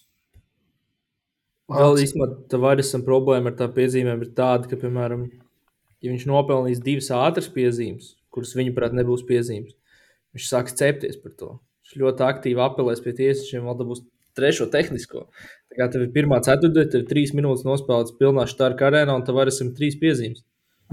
Jā, un Jā. īstenībā runājot par to tieši par to pilno štāra arēnu, šajā sērijā es īstenībā. Es ļoti godīgi no tā, ko es esmu redzējis, es šaubos, ka Reāls var uzvarēt spēli Starkā arēnā. No tā, ko es esmu redzējis vispār, kas, kas tur notiek, tajā, tajā, tajā tieši izbraukumā. Uh, Tāpēc šeit ir nenormāli svarīgi noturēt pirmās divas spēles. Vajag home court advantage noturēt. Un, ja, ja viņi vienu no tām mājas spēlēm zaudē, tad, tad es teiktu, ka tur ir situācija tāda, jā, diezgan, diezgan, kā pateikt, viss diezgan mākoņiens paliek. Viss, viss, viss, viss vairs nav tik skaisti un rožaini. Un, un tāpēc ļoti svarīgi noturēt mājās spēles. Jā, nu es piekrītu, ka noteikti ir jānotur mājās spēles. Man jautājums, cik nopietni ir par jētrauma, un vai viņš tā kā uz jautājumu zīmes ir, vai ir zināms, ka viņš nespēlē? Nu, tur nu, nu, vienkārši problēma tā, ka nu, neviens, kā, kā jūs esat jau divreiz pateicis šajā epizodē, neviens īsti nesaka, kas tur ir, kas tur nav. Tas ir tas, ko es esmu redzējis bez mums vai internetā baumas, ka viņš varētu nebūt. Jo, jo viņš nav spēlējis, viņš nebija, man liekas, viņš nebija pēdējo Eirolandes spēli pret Makabiju Un es neatceros, vai viņš bija arī nedēļu iepriekš pret Bayernu. To es neatceros. Bet vismaz, man liekas, divas nedēļas viņš nav spēlējis šobrīd. Tad vēl Degs bija traumēts, kas ir ļoti svarīgi arī, jo viņš ir principā kaut kādā ziņā pat varētu teikt svarīgākais komandas spēlētājs, un viņš nav, viņš nav arī spēlējis pēdējās divas ACB, un tur nav, nav īsti skaidrs, bet par jē, cik es saprotu, viņš varētu nebūt vismaz uz sērijas sākuma. Es īstenībā gribētu argumentēt, ka like, mūsu ir svarīgākais, manuprāt, bet nu, tas tiešām diskutējams jautājums. Nē, Deks vienkārši tas, ka Deks ir. Viņš, viņš visu dara tev laukumā. Viņš ļoti bieži uzbrukumi iet caur viņu postā. Viņš var spēlēt principā no 1 līdz 4. Viņš var aizsardzībā arī tikpat labi sekt no 1 līdz 4. Un es tie ir tādā ziņā, to, ka viņš viņš, tā, viņš var aizpildīt ļoti daudz, kā, ļoti, ļoti daudz caurumus komandai. Jā. Nu, es varu pateikt savu viedokli. Es domāju, ka uh, neies nemaz uh, neies tik grūti reālam, kā, kā Valtu saka. Es domāju, ka Madrids reāli tiks galā. Es domāju, ka tas varētu notikt četrās spēlēs. Un, uh, četrās? Jā. Wow, ok. Viņi uh, 18,000 serbu acu priekšā beidz Partizānu sezonu. Es vienkārši domāju, ka uh, Lesortam nav parocīgs matčups pret Tavares. Tā kā es te klausos, ko jūs sakat, radās iespējas, ka jūs domājat otrādi, bet uh, nu, Lesorts es... ir tāds tā kā kaujiniecisks dzīvnieks, ja, un tas baigi labi sajiet, ja tev pretī ir, um, nezinu, sertečšana lī vai kaut kas tam līdzīgs.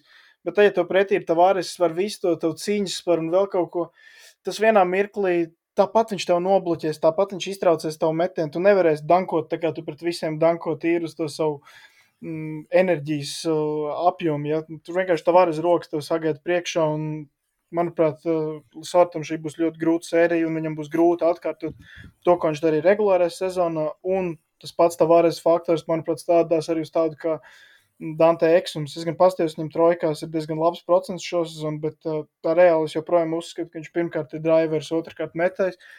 Es neteiktu, ka es uzticos, ka viņš uh, piecu spēļu sērijā visu laiku bez apstājas metīs iekšā trojkas. Es domāju, ka viņš vairāk arī ies uz to sodu laukumu. Un atkal tas, ka tur tev sagaida garais tavares. Ja, un, uh, protams, jautājums tās viņa piezīmes, uh, ja par jēju, tad tas nerada baigi lielu stresu, bet uh, es domāju, ka tas vienkārši šiem diviem spēlētājiem Tavares klātbūtne ir ļoti sarežģīta un uh, ļoti viņus ierobežo. Īsumā starp šiem tieši jā, pie šīs garo spēlētāja problēmas šeit man vēlreiz uh, jāatgriežas pie, pie iepriekš manis minētā par treneru, jo manuprāt šādā situācijā, kad tur, uh, kad uh, tev vajag nu, ļoti iespējams. Es nesaku, ka viņš, piemēram, varēs dabūt piezīmes kādā mačā, bet ja viņš dabū un tev nav otrs izteikts centrs, tad vajag trenerim sāk kaut ko schēmot vai kaut ko domāt, ko darīt. Un man personīgi vienkārši ir šaubas, vai, vai Mateo kungs ir tas labākais schēmotājs, ko tu varētu gribēt pie savas komandas stūra šādā situācijā. Un, un īsnībā tad vēl mēs tagad pie gariem pievērsamies, jau pārgājām pie X un pirms tam. Uh, Un uh, to es īstenībā arī vēlos. Viena ļoti svarīga lieta, kas ir, uh, ka reāli mazie spēlētāji īstenībā arī tur var būt. Uh, tur arī tur es personīgi saskatu kaut kādas potenciālas problēmas aizsardzībā tieši. Jo viņiem ir principā no tiem maziem spēlētājiem, kas ir tādi nosacīti saspēlnieki, ir Hanga, kas ir vienīgais, kas ir uh, normāls aizsardzībā. Un tad ir Čāčā, kurš nu, nav labs aizsardzībā, tā maigi izsakoties. Un, un tad gan Viljams Gos, gan Juļs viņi ir aizvadījuši abi divi, principā, pusotru spēli pēc traumas šajā brīdī. Tāpēc tur arī ir bijusi sketči, tā situācija ir mazajiem, jo partizāni mazie spēlētāji ļoti, ļoti meistarīgi. Arī gan, gan Eksums, ko tu minēji, Kevins Panters, kas ir arī lielisks, Avrāmovičs, kas, kas tur vēl bija. Jams Madars, kas viņš traumēts vai kas viņa ir? Madars? Jā. Mad, viņš, man liekas, jā, viņš tagad tur nav īsti kaut ko spēlējis. Es, Bet, es neesmu. Starp citu, labi, ka mēs ar Norču neesam Eirolandes fantasy, jo tad mēs tev nepiekristu par Panteru, kur viņš ir atzīmēts kā uzbrucējs. nu, jā, nu, jā, bet tā kā reālā dzīvē paskatās, mūsu arī ir uzbrucējs. Nu, bet nē, tur tā kā viss ir skaidrs, ka viņi nav uzbrucēji. Tie, kas kaut vienu šo komandu mačus redzējuši, viņi zina to, ka nav. Nu, Es īstenībā, pēc godīgi par Panteru, nevaru fiziski saslēgt, kāds viņu vēl uzbrucēja. Man liekas, viņš nav. Nu, nav viņš, viņš ir diezgan liels. Viņš ir diezgan viņš liels, liekas, viņš kaut kāds 1,96 m. Nu, kā, bet nu, labi, viņš jau nav arī tā kā tīrs saspēlnieks. Nē, nē, nesaspēlnieks. Viņš tā kā tas, nu, tāds. Nē, viņš ir 1,93 m. Nu, viņš no tā kā tāds driblētājs. Nu, viņš ir Panters, ir vienkārši, ja tev vajag, viņš ir tas džeks, kam tiedot bumbu. 5 sekundes pirms uzbrukuma beigām, un tu prasi, lai viņš to dabū metienu. Kevins Panters to dabū metienu. Bet uh, savukārt pie aizsargiem ir ierakstīts James Nanalīs. Nu, viņš samainīja vietām. Jā. Un, un uzbrucējs ir uh, Dante Eksums arī. Un viņi gan Eksums, gan Panters ir vienā pozīcijā ar Tristanu Vukčeviču. Nē, no, nu, okay, es saprotu, ka ir, ir uh, aizsargu uzbrucēji, kas var spēlēt 2, 3, un tad ir tādi, kas var spēlēt 3, 4 vai, vai 4, 5. Bet, nu, es nezinu, man liekas, Eksums, es neesmu Eksums, maču nav tāpēc, ka viņš pagājušajā gadā Barcelonā viņš nespēlēja. Ne, Eksums gan ir liels aizsargs. Gan, Eksums gan liels, viņš ir tas spriedzeklis, atletisks dzīvnieks. Viņš nereāls ir, bet, nu, šī sērijas, es, es, es personīgi gaidu piecas spēles, Un es arī būšu vīlies, ja nebūs piecas. Nu, es personīgi būtu priecīgs, ka nebūtu piecas, bet, tad, ja īstā komanda uzvar pirms piecām, es esmu vienmēr tā kā, ja mana komanda uzvar, tad labāk, lai viņi uzvar bez intrigas. Nu, liekas, bet tā, šeit es domāju, ka būs piecas, un es ļoti ceru, ka mājās, mājās tiks pie, piebeigts šī sērija. Bet mēs, visi, mēs visi gaidām, ka Madrid vinnēs šo sēriju. Es godīgi nē. Es liktu uz Partizānu. Es varu piedāvāt scenāriju, kā tas notiks. Es zinu, ka Norča kategorijas nepiekritīs, jo viņi noslēgs sēriju izbraukumā. Bet mēs dodamies uz Belgradu ar 1-1. Trešajā spēlē uz, uz emociju un, un štāra karēnas rēķinu ņem Partizāns. Jāpieliek punktiņš. Diemžēl nē, Čus Mateo parāda savas labākās treneru īpašības pretēji Valta teiktajiem. un, un Madrids reāli aizved sēriju atpakaļ uz Madridi, kur uh, spraigā mačā tomēr, uh, tomēr uzvar Partizāns. Jo es arī apskatījos, principā šajā sērijā es teiktu, ka uh, būs tā, ka komandas spēlēs ar. Nu, jā, jāskatās, protams, kāda ir tā porija situācija ar veselību, bet principā šobrīd izskatās tā, ka katra no komandām spēlēs ar, ar vienu reālu centru. Un, ja kādam no viņiem būs uh, būs kaut kādas kā, piezīme problēmas, tad es visticamāk otra par to sodīs. Bet, ja viņi abi būs ar piezīmēm, tad vienkārši laidīs ar samērā ar small ball. Teiksim, ab, abām komandām ir, ir, ir labi izpildītāji tajās pozīcijās. Tur ir tas pats Ledejs, tur ir Smailagičs, Partizānā, nu reālais paši visus tos žekus zina. Labi, arī spēļēju arī šos divus zinājāt. Bet, nu. um, bet uh, vismaz tīri pēc sajūtām, tad varas reāli pārkāpt noteikumus krietni biežāk nekā Lisorts. Es nezinu, vai, vai statistika man šo novērojumu atbalstītu, bet uh, man kaut kā liekas, ka ar visu to, ka Lisorts ir īsāks, viņam ir tā neizsmeļamā enerģija.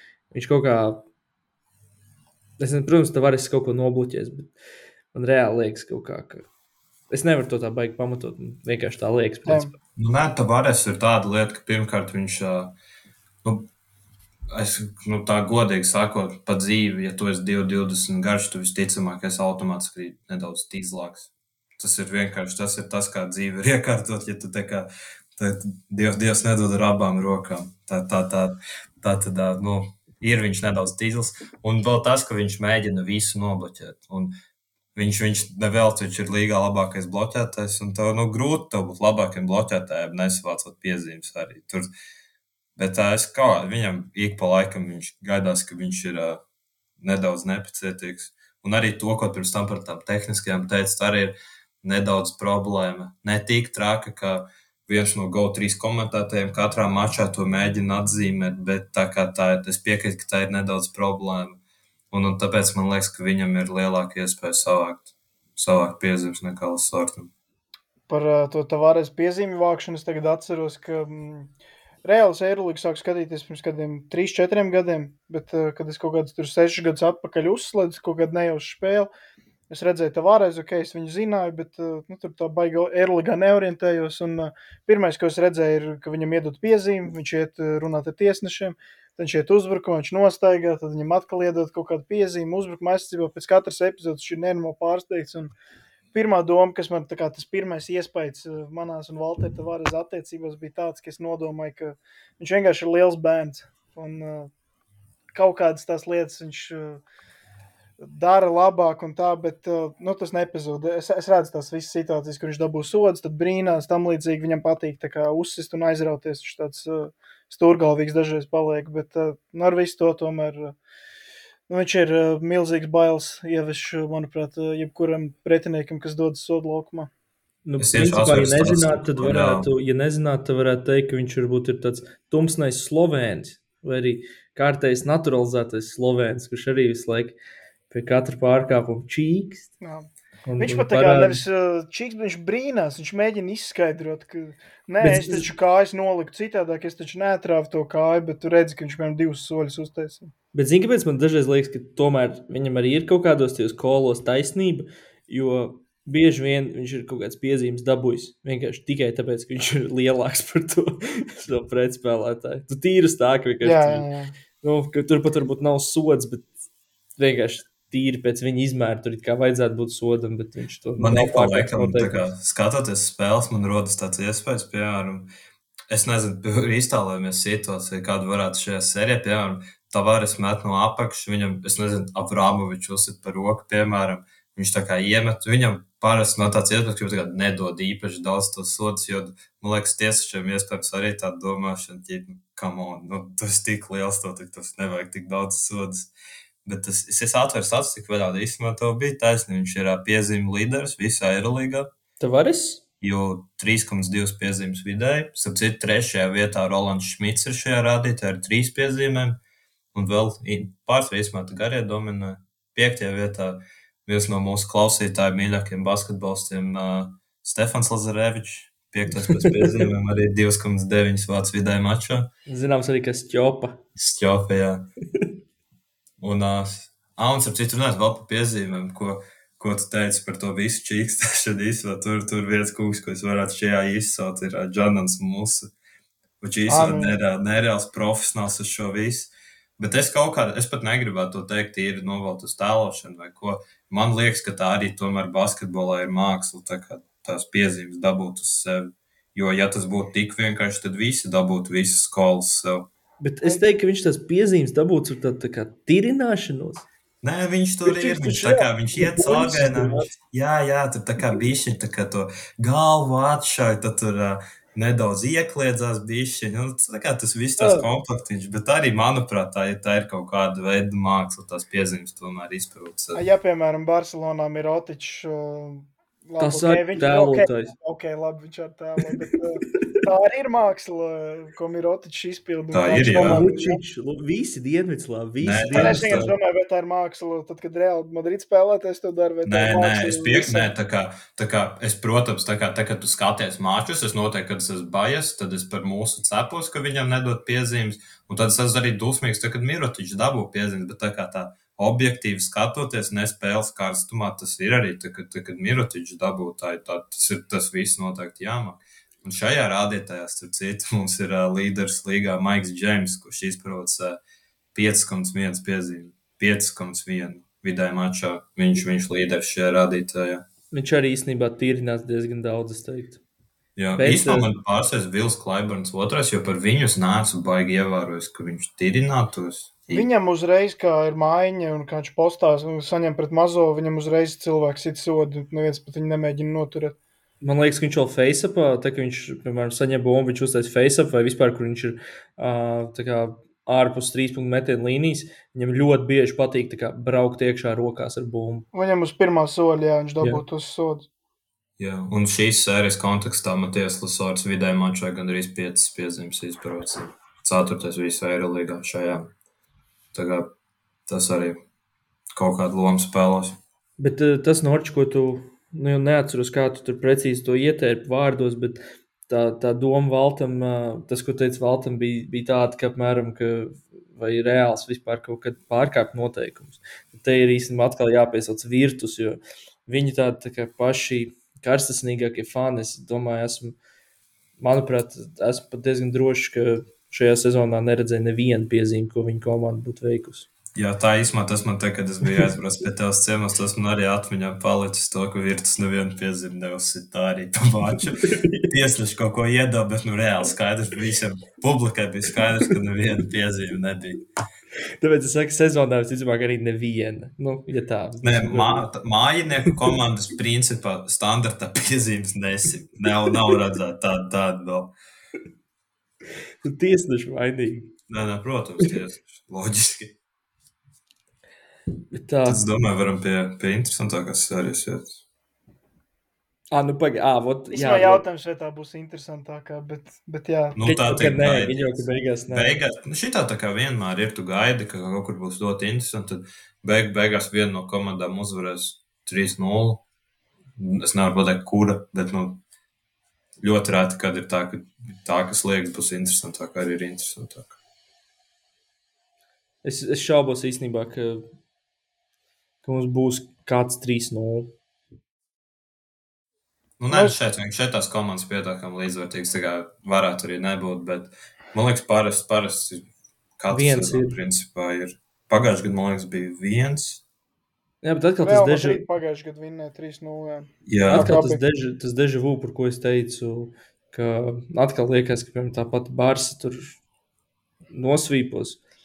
Tas pats bija saka pret Bayernu un, un, un, un Zenītu, bet nekā, nekas tam līdzīgs beigās uh, nebija. Ja man, ā, ja man ir kā tagad jāizvēlas, ir jāatbild uz jautājumu, vai es domāju, ka būs kāda 3-0 sērija vai nē, es domāju, ka būs. Jo viens ir tas, kas prognozē Bāras Žalgiris, bet otrs ir, ā, es arī nebūtu pilnībā pārsteigts, ja Olimpijākus uzvar trīs spēlēs. Un ā, labi, pārējās sērijās diez vai, bet ā, nu, es, nezinu, es domāju, ka būs 3-0 kādā, kādā jābūt, diemžēl. Man arī liekas, ka vienā no tām pirmajām divām es tā, tā prognozētu, bet tagad tas Nu, tas Nu, ir reālākais. var tikpat labi. Nu, tikpat labi tiešām var arī nebūt. Jo pagājušajā gadā arī tā vienīgā sērija, kur bija 3-0, tas bija Real Makabi, kas bija 4. pret 5. vietu tabulā. Ja, jā, bija 4. ar 5. Un tur, tur neviens negaidīja, ka būs 3-0. Bet tad beigās tur, tur, tur īsti nekāda vispār varianta nebija. Un tad, jā, kā jau teicu, tā Barcelona, kuras tika gaidīts svīps jau otru gadu pēc kārtas, viņi, viņi atkal, atkal liek, liekas divas spēles nospēlēt. Vai tad negaidīja, nu, labi, ok, svīpi, protams, nē, bet. Nē, tur bija tas, atceros, ka, man liekas, ka tas, mēs bija, diezgan bija tas- stabili reāli un likām ko 3-0, 3-1 paši Nē, savos nē, bet tur bija, tur viņiem bija tas, ka viņiem reāli bija uz sezonas beigām, viņi sāka nereāli lietu spēles.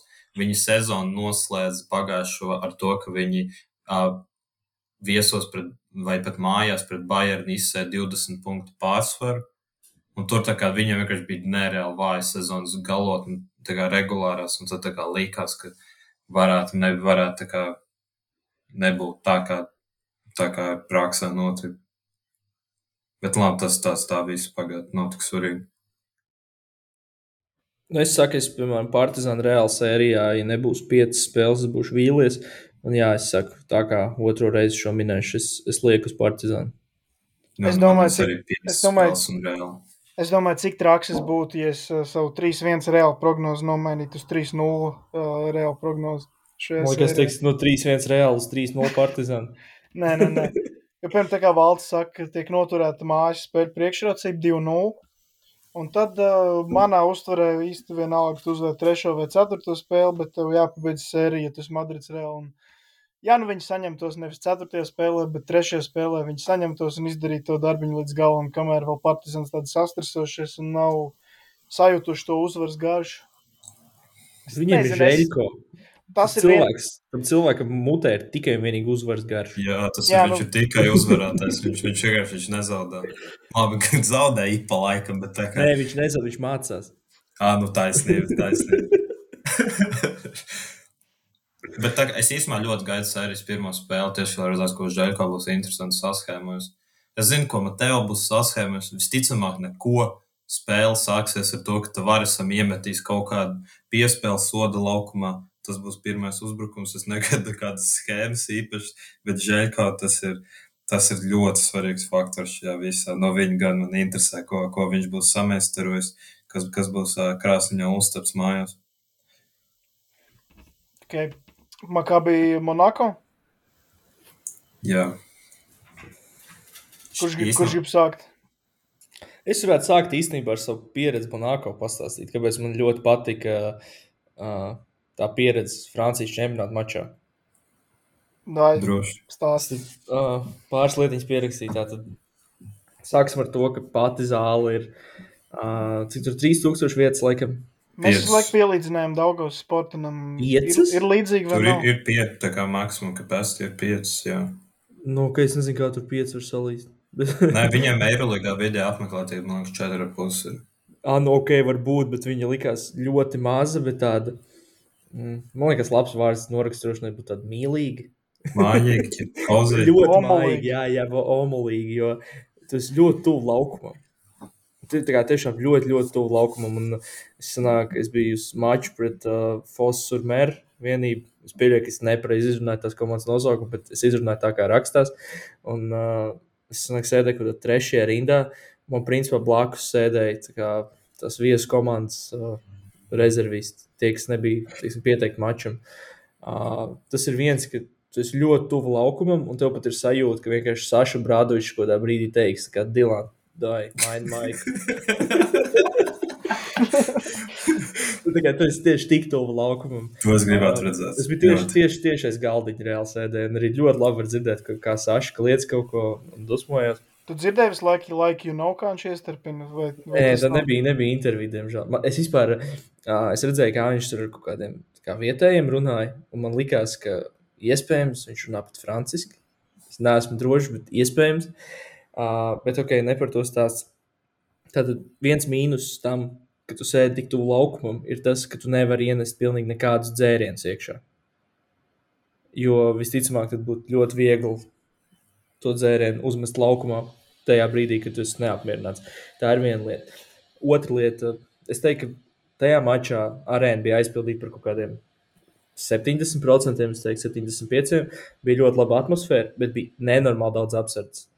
Uh, es nevienā citā arēnā, kur es esmu bijis šīs sezonas laikā, neesmu redzējis tik daudz apsardzes. Īpaši ņemot vērā to, ka uh, tur ir uh, ļoti maz zāle. Bija tiešām, tiešām ļoti, ļoti daudz apsardzes. Tā ir viena lieta.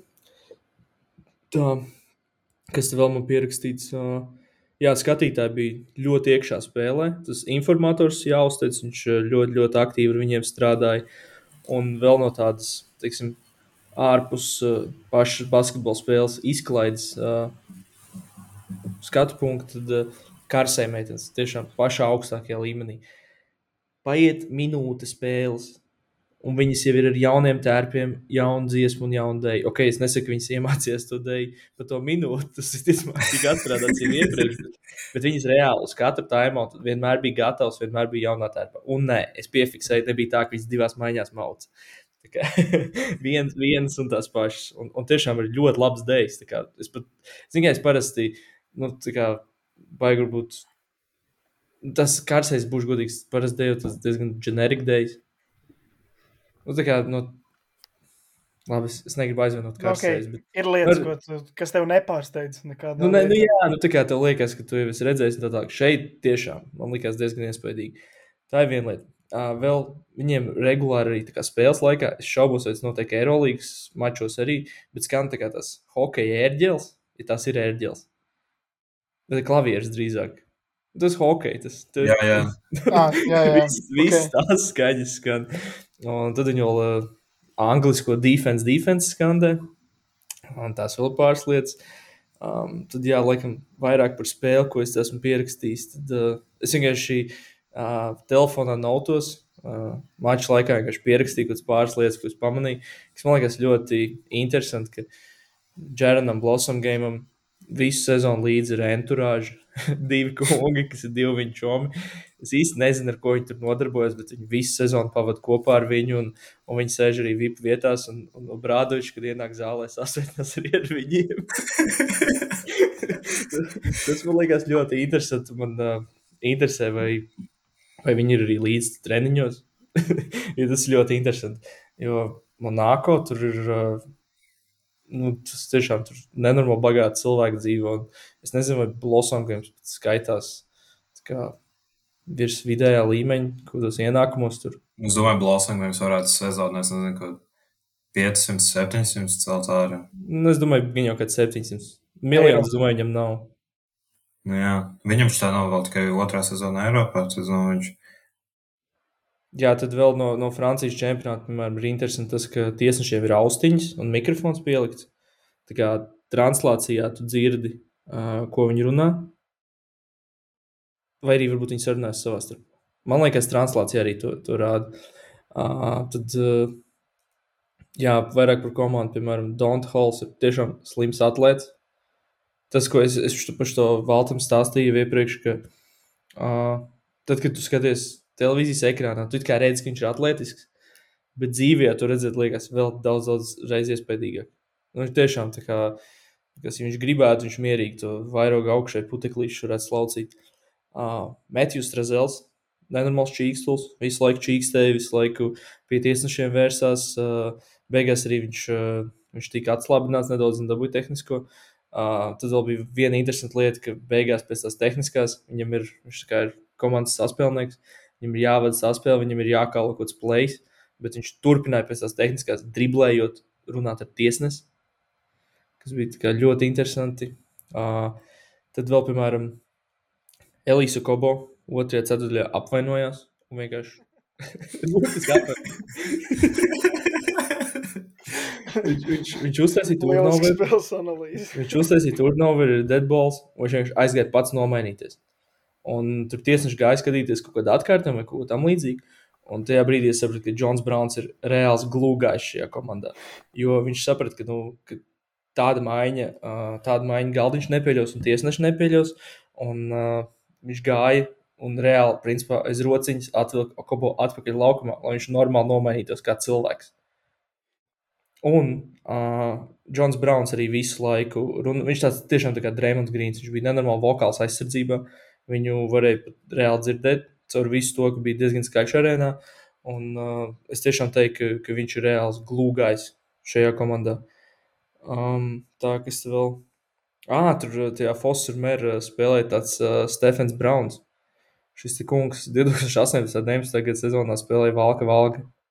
Vai šis ir interesanti? Jā, kā, viņš ir ticis labi. Uh, Foster mērā, principā, visticamāk, kritīs ārā no, no Francijas līgas, bet uh, viņš tomēr spēlēja Francijas čempionātā. Uh, tā, kas vēl. Ah, jā, viesu komandai nebija metpersonāls, kas man liekas ļoti interesanti. Priekš viena no vadošajiem Eiropas čempionātiem. Viņiem viens kungs satraumējās, un nebija kas viņam palīdz. Nācās Monako palīdzēt. Uh, Vai tur nav uz vietas kaut kāda, kaut kāda jānodrošina? Ģipa... Nē, nu viņš, ne, viņš satraumējās tā, ka viņam vienkārši vajadzēja kaut kādu ledu un tādas lietas. Kā viņiem vienkārši kaut kāds komandas menedžers, kurš arī pirms spēles filmē stāstījis un vispārējo rūpējās par šo visu. Uh, Man šiem naudas problēmas. Es nezinu, uz izbraukumu spēlēm nevadā viņas. Nezinu. Nē, nu, varbūt, jā, varbūt. Nu jā, to es arī nezinu. Vienkārši likās interesanti. Um, tad vēl, vēl viena no pēdējām lietām, uh, tas, ka paralēli, snak, 5 minūtes vēlāk, augšstāvā sākās Francijas uh, pirmās līgas futbols nu, Francijas čempionāts futbolā. Un tad paralēli tika ziņots rezultāts, kāds tajā mačā. Tā kā skatītājiem bija dubults prieks, ka abas manāko komandas uzvarēja. Man īstenībā jautājums, te, kad tu, tu sēdi arēnā, piemēram, tas, tas futbols sākās jau basketbola spēles laikā, ja? 5, 5 minūtes vēlāk. Basketbols bija 5 un futbols bija 5.05. Tur, piemēram, tur sēžot, sēžot, sēžot lejā tajā basketbola arēnā, tur var dzirdēt, ka tur tas futbols notiek arī. Nē, nē, nē nevar vispār. Okay, Bet, ah, vēl viena lieta, ko es aizmirsu.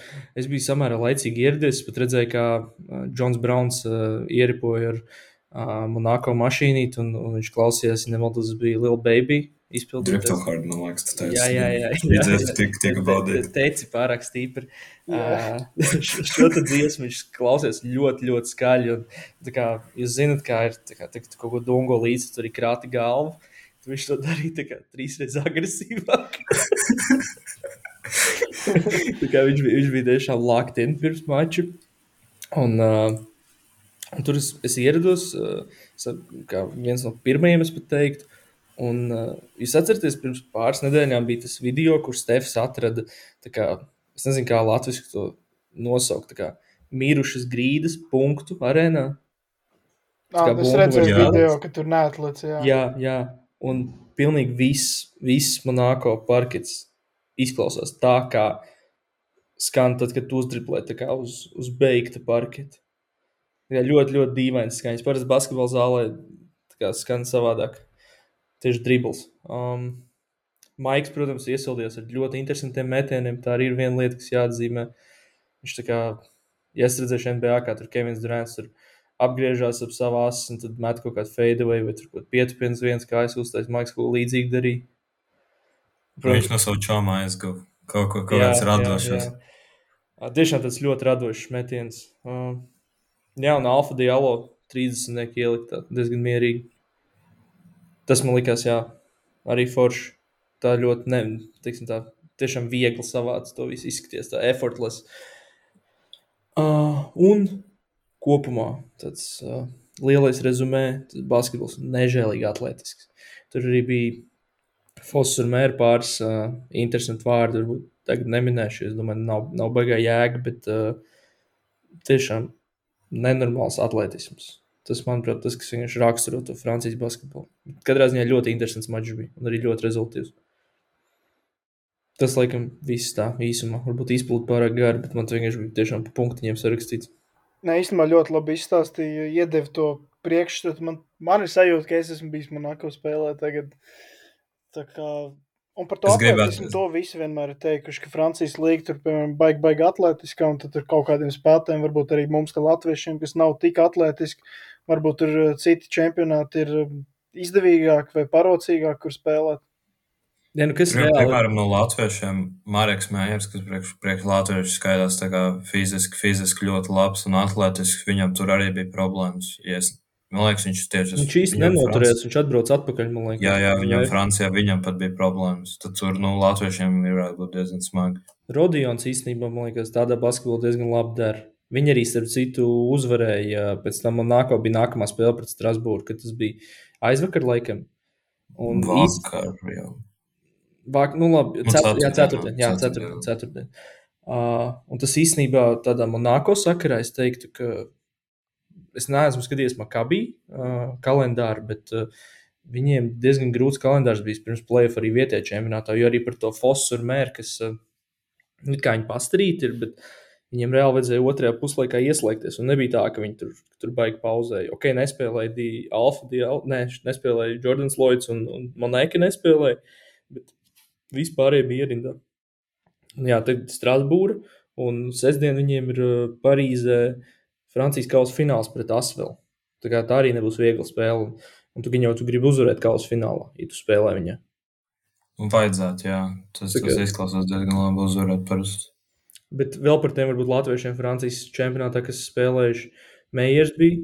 Uh, viņam, man liekas, tur gāja tīri ok. Uh, bet viņš, protams, arī bija vienā no vājākajām komandām, kas ir izkritusi un tā arī netiek atpakaļ šobrīd.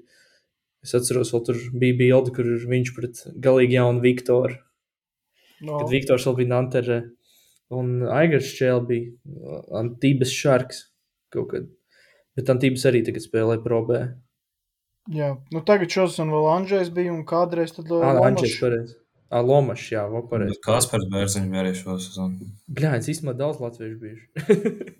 Bet tur no liela daļa tas pats Kaspars Bērziņš un, un, un Andrzejs tur bija tīri uz tās kafijas. Tad, tad ā, šitas Marks Meijers nenoturējās. Meijers aizbrauc arī, viņš aizbrauc, man liekas, pusi sezonā uz to šolē, nē, Elan Šalonu. Jā, viņš tur ir uz pusi sezonu. Man liekas, viņam vēl projām līgums ar viņiem. ir. Vai beidzot pagājušajā ka kaut ko maksā, joprojām viņi maksā.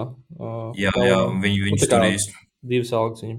Viņš ir, jā, īstenībā bija tīri ok, cipars, cik atceros, bet viņš tur, viņš tur bija jā, pusi sezonu.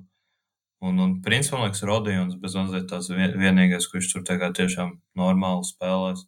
Jo tā kā Aigars šeit tur bija, es atceros viņu komandu, tur bija tāda, uh, nu, kā pas, man liekas, ne tā stiprākā jau tāda, cik, cik es atceros. Bet uh, Rodijans sakara arī īstenībā jāmin tomēr tas, ka viņš ir pie, teiksim, pie sava trenera. Tas arī ir svarīgi. Jā, tas, tas, tas, to es piekrītu. Gan jau, ka vēl kāds ir bijis Francijas čempionātā, ko mēs vienkārši esam piemirsuši. Es esmu diezgan drošs, ka tiešām kāds ir bijis, bet uh, vēl bez šiem minētājiem. Bet, nu labi, varbūt jāķeras klāt uh, pašai sērijai. Ne? Jā. Jā. Šī ir viena no tām sērijām, kurā mēs kaut ko savstarpēji sarakstījāmies par to, ko mēs prognozējam, kas būs, kas nebūs. Un šī ir viena no tām, kur man bez mazliet, katru dienu man principā mainās domas par to, kurš uzvarēs, kurš neuzvarēs. Jo šī tā, man liekas, ir uh, nereāli 50-50. Man pat grūti, ja godīgi pateikt, kas ir favorīti. Uh, Es, es, es nu ne- neesmu arī skatījies, ko Bookmaker piedāvā, kas, kas, kas šajā sērijā ir. Ir ā, ka gan jau Monako tehniski favorīts, viņam mājas spēļu priekšrocības, bet es domāju, ka tas mājas spēļu priekšrocības arī ir relatīvi nosacīts, jo Monako noteikti būs daudz grūtāk Telavivā nekā otrādi. Es arī redzēju, kaut kā tur Telavivas fani rakstīja Twitterī, man liekas, ka viņi arī būs ierindā uz Monako, tur uz vietas. Tāpēc, tāpēc es domāju, tas mājas spēļu priekšrocības šajā sērijā diezgan nosacītas. Un tā kā, tā kā es šodien jūtos, es teiktu, ka Monako ir favorīti, bet visticamāk, ja mēs rakstītu rītdien vakarā, tad es teiktu, ka Makabī. Tāpēc šis tā tāds nereāli smagāko, vismaz man personīgi prognozēt.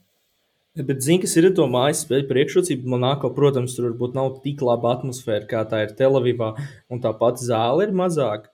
Bet, jebkurā gadījumā, tai zālē ir kaut kas, es teiktu, nu, tur bija kaut kāda tāda negluži īpaša sajūta, bet man reāli liekas, ka Monako tur jūtās ļoti labi. Tajā Viņi arī zālē. diezgan īsumā priekš tādiem Eirolandes standartiem diezgan unikāli. Man liekas, viņiem bez mazliet pārliecinoši mazākā no visiem.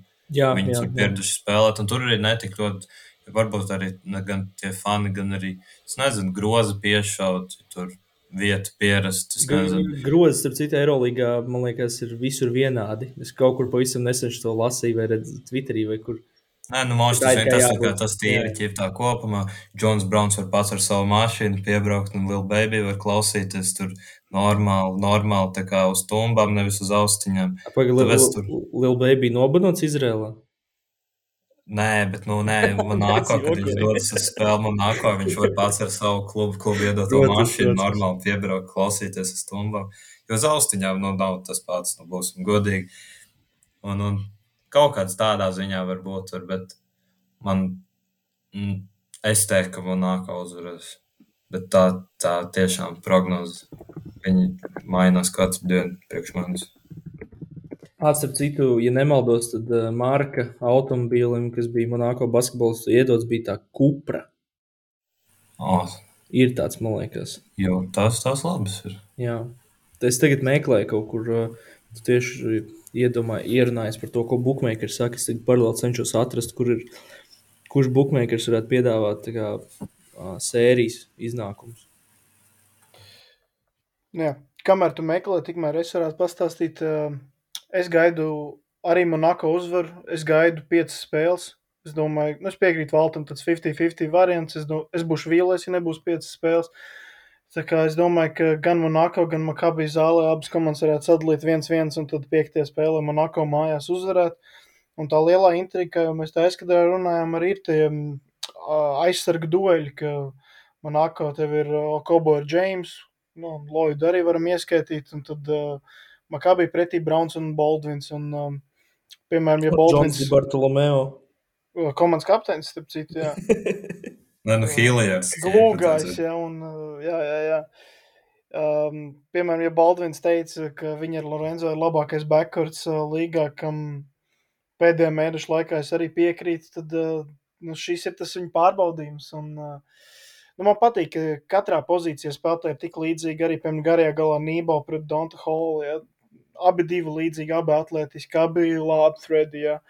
Un tad nu, daudz varētu būt atletiskas, iespaidīgas epizodes, arī viens pret viens spēles no maziem spēlētājiem. Tā kā es teiktu, pat ļoti līdzīgas komandas. Un arī domāju, ka man nākamā piecās spēlēs, bet notikt var pilnīgi jebkas. Viņas pēc uzbūves ļoti līdzīgas, abas ir ļoti uz amerikāņiem tendētas. Jā. Es ah, īstenībā bet... pat garajā galā es laikam dotu Monako priekšrocības, bet tur tā, kā, tur tā atšķirība minimāla, jo es teiktu, ka man personīgi Don't Halls liekas labāks par Jošu Nību, bet atšķirība tur minimāla, un es arī domāju, nu, labi, šis, nav gan jau, bet, nu, Motejūnas ir labāks par Romku Sorkinu, ir objektīvi, bet, nu, tur. Poitras būs atpakaļ. Tas, jā, un, un man liekas, ka īsti šiem uh, Makabī nav savs Džons Browns. Un, uh, tas iespējams kaut ko redz. Pats, ja Džons Browns nav, nav, nav kaut kā vēl atvērties šo sezonu, kā, kā pagājušajā gadā, bet, uh, bet tomēr visa aizsardzība un, un vēl man nākot jāatzīmē viens kungs, ko jau minēji no, no, savas, no sava apmeklējuma, Alfa Dialo manuprāt, lielisks, lielisks spēlētājs, ļoti underrated. Viņš ir viens no tiem, ko es esmu drošs, ka viņu varētu ielikt jebkurā komandā, viņš jebkur varētu spēlēt. Tieši, tieši, es domāju, aizsardzībā pret Bonziju Kolsonu viņam būs interesants, interesants duels. Un uh, es, es man, man kaut kā liekas, ka Alfa Dialo tiks ar viņu galā. Tur viss viss ir uz gārdiem, kā sāk rīt metienu. Es jau godīgi nebūtu tik drošs, ka Diallo visu laiku mečosies ar Kolsonu. Bet es gribētu teikt, ka viņi būs, manuprāt, tiešām izšķiroši faktori. Tā kā lielā mērā, lai gan Kolsonam bija lielāka loma, kā bija, man liekas, nekā, nekā Alfam. Nu, uzbrukumā, jā, tur, tur noteikti Kolsons svarīgāks. Uh, bet uh, vēl man pat jāizceļ Sulimans Braimo. Jā, garie galā. Noteikti, viņš noteikti viņš un uh, Jons Makundu no pretinieka. Es piedaros. À, vēl īstenībā bija ļoti interesanta lieta, ka, piemēram, uh, Jons Makundu uh, sanāk, ir piezīme normas. Uh, cīņā par reboundu uzsit piezīmi, un tad Maiks viņam rādīja, ka viņš ir cirvis. Tas ir tā kā. Jā, jā, jā. Tas man liekas interesanti. Es tikai saprotu, Maika. Vispār par Maiku Džeimsu. Es domāju, ka viņam tagad bija tā tāds grūts nogrieziens sezonā un visādas ķībeles, pie kurām gan viņš tur pats, gan vēl kaut kas vainīgs. Nu, karoč, nav bez karoča, bet nav svarīgi. Es domāju, ka Maikam Džeimsam šī būs uh, lieliska playoff sērija, un uh, viņš beidzot pēc uh, ilgāka pārtraukuma uh, tiks Final Four. Tā kā, jā, es vienkārši gribu noprognozēt un pateikt to, ka man tāds čūlis, ka viņš būs labākais spēlētājs šajā sērijā, un tos arī sagaidu. Bet pagaidiet, uh, nav tā, ka viņš Final Four vispār bijis tikai vienu reizi. Viņš, viņš, bija, viņš bija to vienu gadu ar Baskoni kopā ar Dalbertu, bet šī tā, šī tā viņam tāda pirmā iespēja pa lielo aizvest savu komandu uz Final Four kā galvenajam džekam, jo tajā Baskodijā viņš nebija galvenais spēlētājs gluži, bet tad tagad viņam pirmo reizi iespēja aizvest kā, kā tiešām kā izteiktam komandas līderim. Nu, un šī arī ir daudz labāka iespēja, piemēram, nekā pagājušajā gadā, kad tev jāspēlē pret uh, stiprāku olimpiākos vienību, arī bez mājas uh, laukuma priekšrocību. Tagad tev ir mājas laukuma priekšrocība, tev nav jāspēlē pret uh, reālu olimpiākos vai, vai Barcelonu. Tā kā, manuprāt, šī ir labākā iespēja, kas viņam ir, un uh, es domāju, ka viņš to izmantos. Jā, ko gribēju vēl teikt, bet tagad izskatās, ah, vot, kas man īstenībā drusku nepārliecina tomēr tajā uh, Monako. Jo es tiešām es, es nebrīnīšos, ja uzvarēs piecās spēlēs Makabiju vai uzvarēs Monako piecās spēlēs. Es nebūšu tā pārsteigts. Uh, man liekas, ka tomēr komandas ķīmija šobrīd varbūt varētu būt uh, Makabija pusē. Jo tiešām arī tas, ko es redzēju klātienē, un arī viss tas, kas ir rakstīts uh, internetā, uh, Man kaut, liekas, ka kaut kas nav tajā monēko īsti līdz galam. Viņa Jā, pārāk tā daudz, taisnība. pārāk daudz kaut kāda kāšķi iekšēji un tādas lietas. Un tagad vienkārši tāda cerība, ka viņi kaut kā iespējams uz playoffiem, uz playoffiem kaut kā nokoncentrēsies labāk, kā Maiks nerādīs komandas biedriem, ka viņš cīrvis ir. Tas ir jaunajiem, tas ir jaunajiem. Jā, bet tāpat, tāpat nav ieteicis. Bet Džons Browns saliks visus kopā, gan, gan Maiku, gan Okobo, un gan jau kaut kā. Varbūt Blosangams beidzot kaut ko grozā iemetīs. A, kā jums liekas, tā enturāža dodas līdzi arī uz Televīvu? Nu, gan jau. Man īstenībā interesē, ja viņi dodas vai moš, moš man nāko klubs pats par to maksā, jo tā būtu nereāla naudas mešana ārā. Ne, ja arī lidmašīnai vietas, tad kāpēc? Nē, mož, bet es ne, vienkārši tāpat, jo kaut, kaut kas tev viņam jāmaksā, un es nezinu, Blosangams. Games ka viņš spēlē godīgi. Man liekas, ka viņš nav nopelnījis enturāžu ar savu sniegumu. Ja Maikam Džeimsam būtu astoņi čomi līdzi, ok, Maikam Džeimsam var samaksāt. Pagājušajā gadā jau viens interesants čoms atbrauc. Nu jā, nu tas, tas viens, bet tas vienam, vienam viņ, viņš jau gan jau pats savu var nopirkt arī biļetes uz, uz pirējām. Tie Blossom game čomis, es diezgan droši, ka viņi dzīvo dzīve, ja Blosomam karjeru neizdodas, tad tiem čomiem arī diezgan smagi dzīvē klājās. Nē, es nezinu, varbūt, varbūt tie čomi ir kaut kā, kā digitāli nomadi, ka viņi tur ir, tiksim, nav piesaistīti nevienai, nevienai vietai pasaulē. Tad vienkārši, teiksim, tā brauc līdzi kopā ar savu draugu, viņu atbalsta un, un paši kaut ko. Nu, es šito, šito apšaubīju, šo teoriju tomēr, vai kaut kā, kaut kā vairāk liekas, ka ir tāda nedaudz tāda, tāda vairāk standartā, kā parasti ir. Bet vēl arī tas, ko, ko, ko jūs teicāt gan par Maiku, gan par, uh, par Džonu Braunu. Piekritīsiet, ka tomēr, ja mēs skatāmies, kā mēs raudzījāmies uz sezonas sākumā, uz šiem kungiem, viņi tomēr nav tās cerības, varbūt attaisnojuši. Nē, kaut gan par Maiku varbūt arī nē, jo, jo viņi uzreiz izveidoja to aizsargu lielo trīnieku, bet no Džona Brauna, es domāju, mēs visi gaidījām vairāk. Nu, es piekrītu, no, no, no, jā, no, no Džona Brauna tiek, tiek noteikti sagaidīts vairāk. Tur kaut kas nav īsti nostrādājis. Bet tas es pat nezinu, vai tas, tas tīri no viņa ir, vai vienkārši, nezinu, varbūt pārējā komandas, bet slinkākā aizsardzībā. Un Maikam Džeimsam īstenībā kopumā, ja neskait to, ka viņš piekodās Atenās, es tā kā teiktu, viņam sezona jau tāpat pietiekami ok. Jo tas, kā jau tu teici, tas tā kā viņi izveido to trīsnieku, un tā, kā, tā sliktākā, sliktāka statistika individuāli tas jau bija kā, tas puslīdz sagaidāms, tas ir pilnībā loģiski. Bet jā, Džons Browns kaut kā nav iespējams nostrādājis līdz galam. Bet es tāpat teiktu, ka Blossom Games ar visu enturāžu ir lielākā vilšanās šajā no visiem sainīgiem. Man liekas, viņš bija vissliktākais. Bet viņam tā, tā ir pirmā sezona Eirolandes līmenī, teiksim. Nu, Nu, nē, bet, piemēram, viņš met sodiņus. Es, vienu brīdi viņš met sodiņus, piemēram, 30%. Nu, ok, par to es, jā, tas jā. Nu, tur tā kā viņš arī mētienis, nu, viņš, viņš es nezinu, viņš, viņš nevarētu no, no, lai, no laivas, viņš nevarētu ūdenī trāpīt. Nu, viņš tiešām šaušalīgi met. Es nezinu, vai varbūt beigās viņam uzlabojās procenti, bet vienu brīdi bija nu, pilnīgi, pilnīgi šausmas. Es, es, es tiešām nezinu, varbūt viņu, viņam beigās bija lielisks, bet viņš kopumā man ir sezonas lielākā vilšanās viņa komandā, jo viņš almās nevaldos, viņš principā kā starters tika ņemts. Viņš arī sezonas sākumā tāds bija, jo Alfa Dialo viņš, es nezinu, viņš beigās Alfa Dialo sāka iet atkal at, at, startā, bet vismaz sākumā Blossankams visu laiku gāja, un viņš bija ļoti vājš. Gribat, gribat dzirdēt ļoti interesantu faktu? Man tur pagaidām jāsaskaita 1, 2, 4, 5, 6, 7, 8. Maiks tikai 9 Eirolīgas deviņās sezonās Eirolīgā savā karjerā ir nospēlējis virs 20 spēlēm. Tā kā sezonā. Nē, nevis. Četrās no deviņām. Tā būtu precīzāk. Četrās no deviņām 20 spēles nospēlējis. Jā. Vismaz 20, jā. Es vienkārši es sāku skatīties, kāda viņam bija statistika tajā Baskonijā, vēl kaut ko, un šitais iekrita acīs. Ko viņš darīs? Ir, kas viņš traumēs? Viņam bija, viņam bija. bija suspension, piemēram. Es nezinu, varbūt ir arī kaut kļūdaini dati.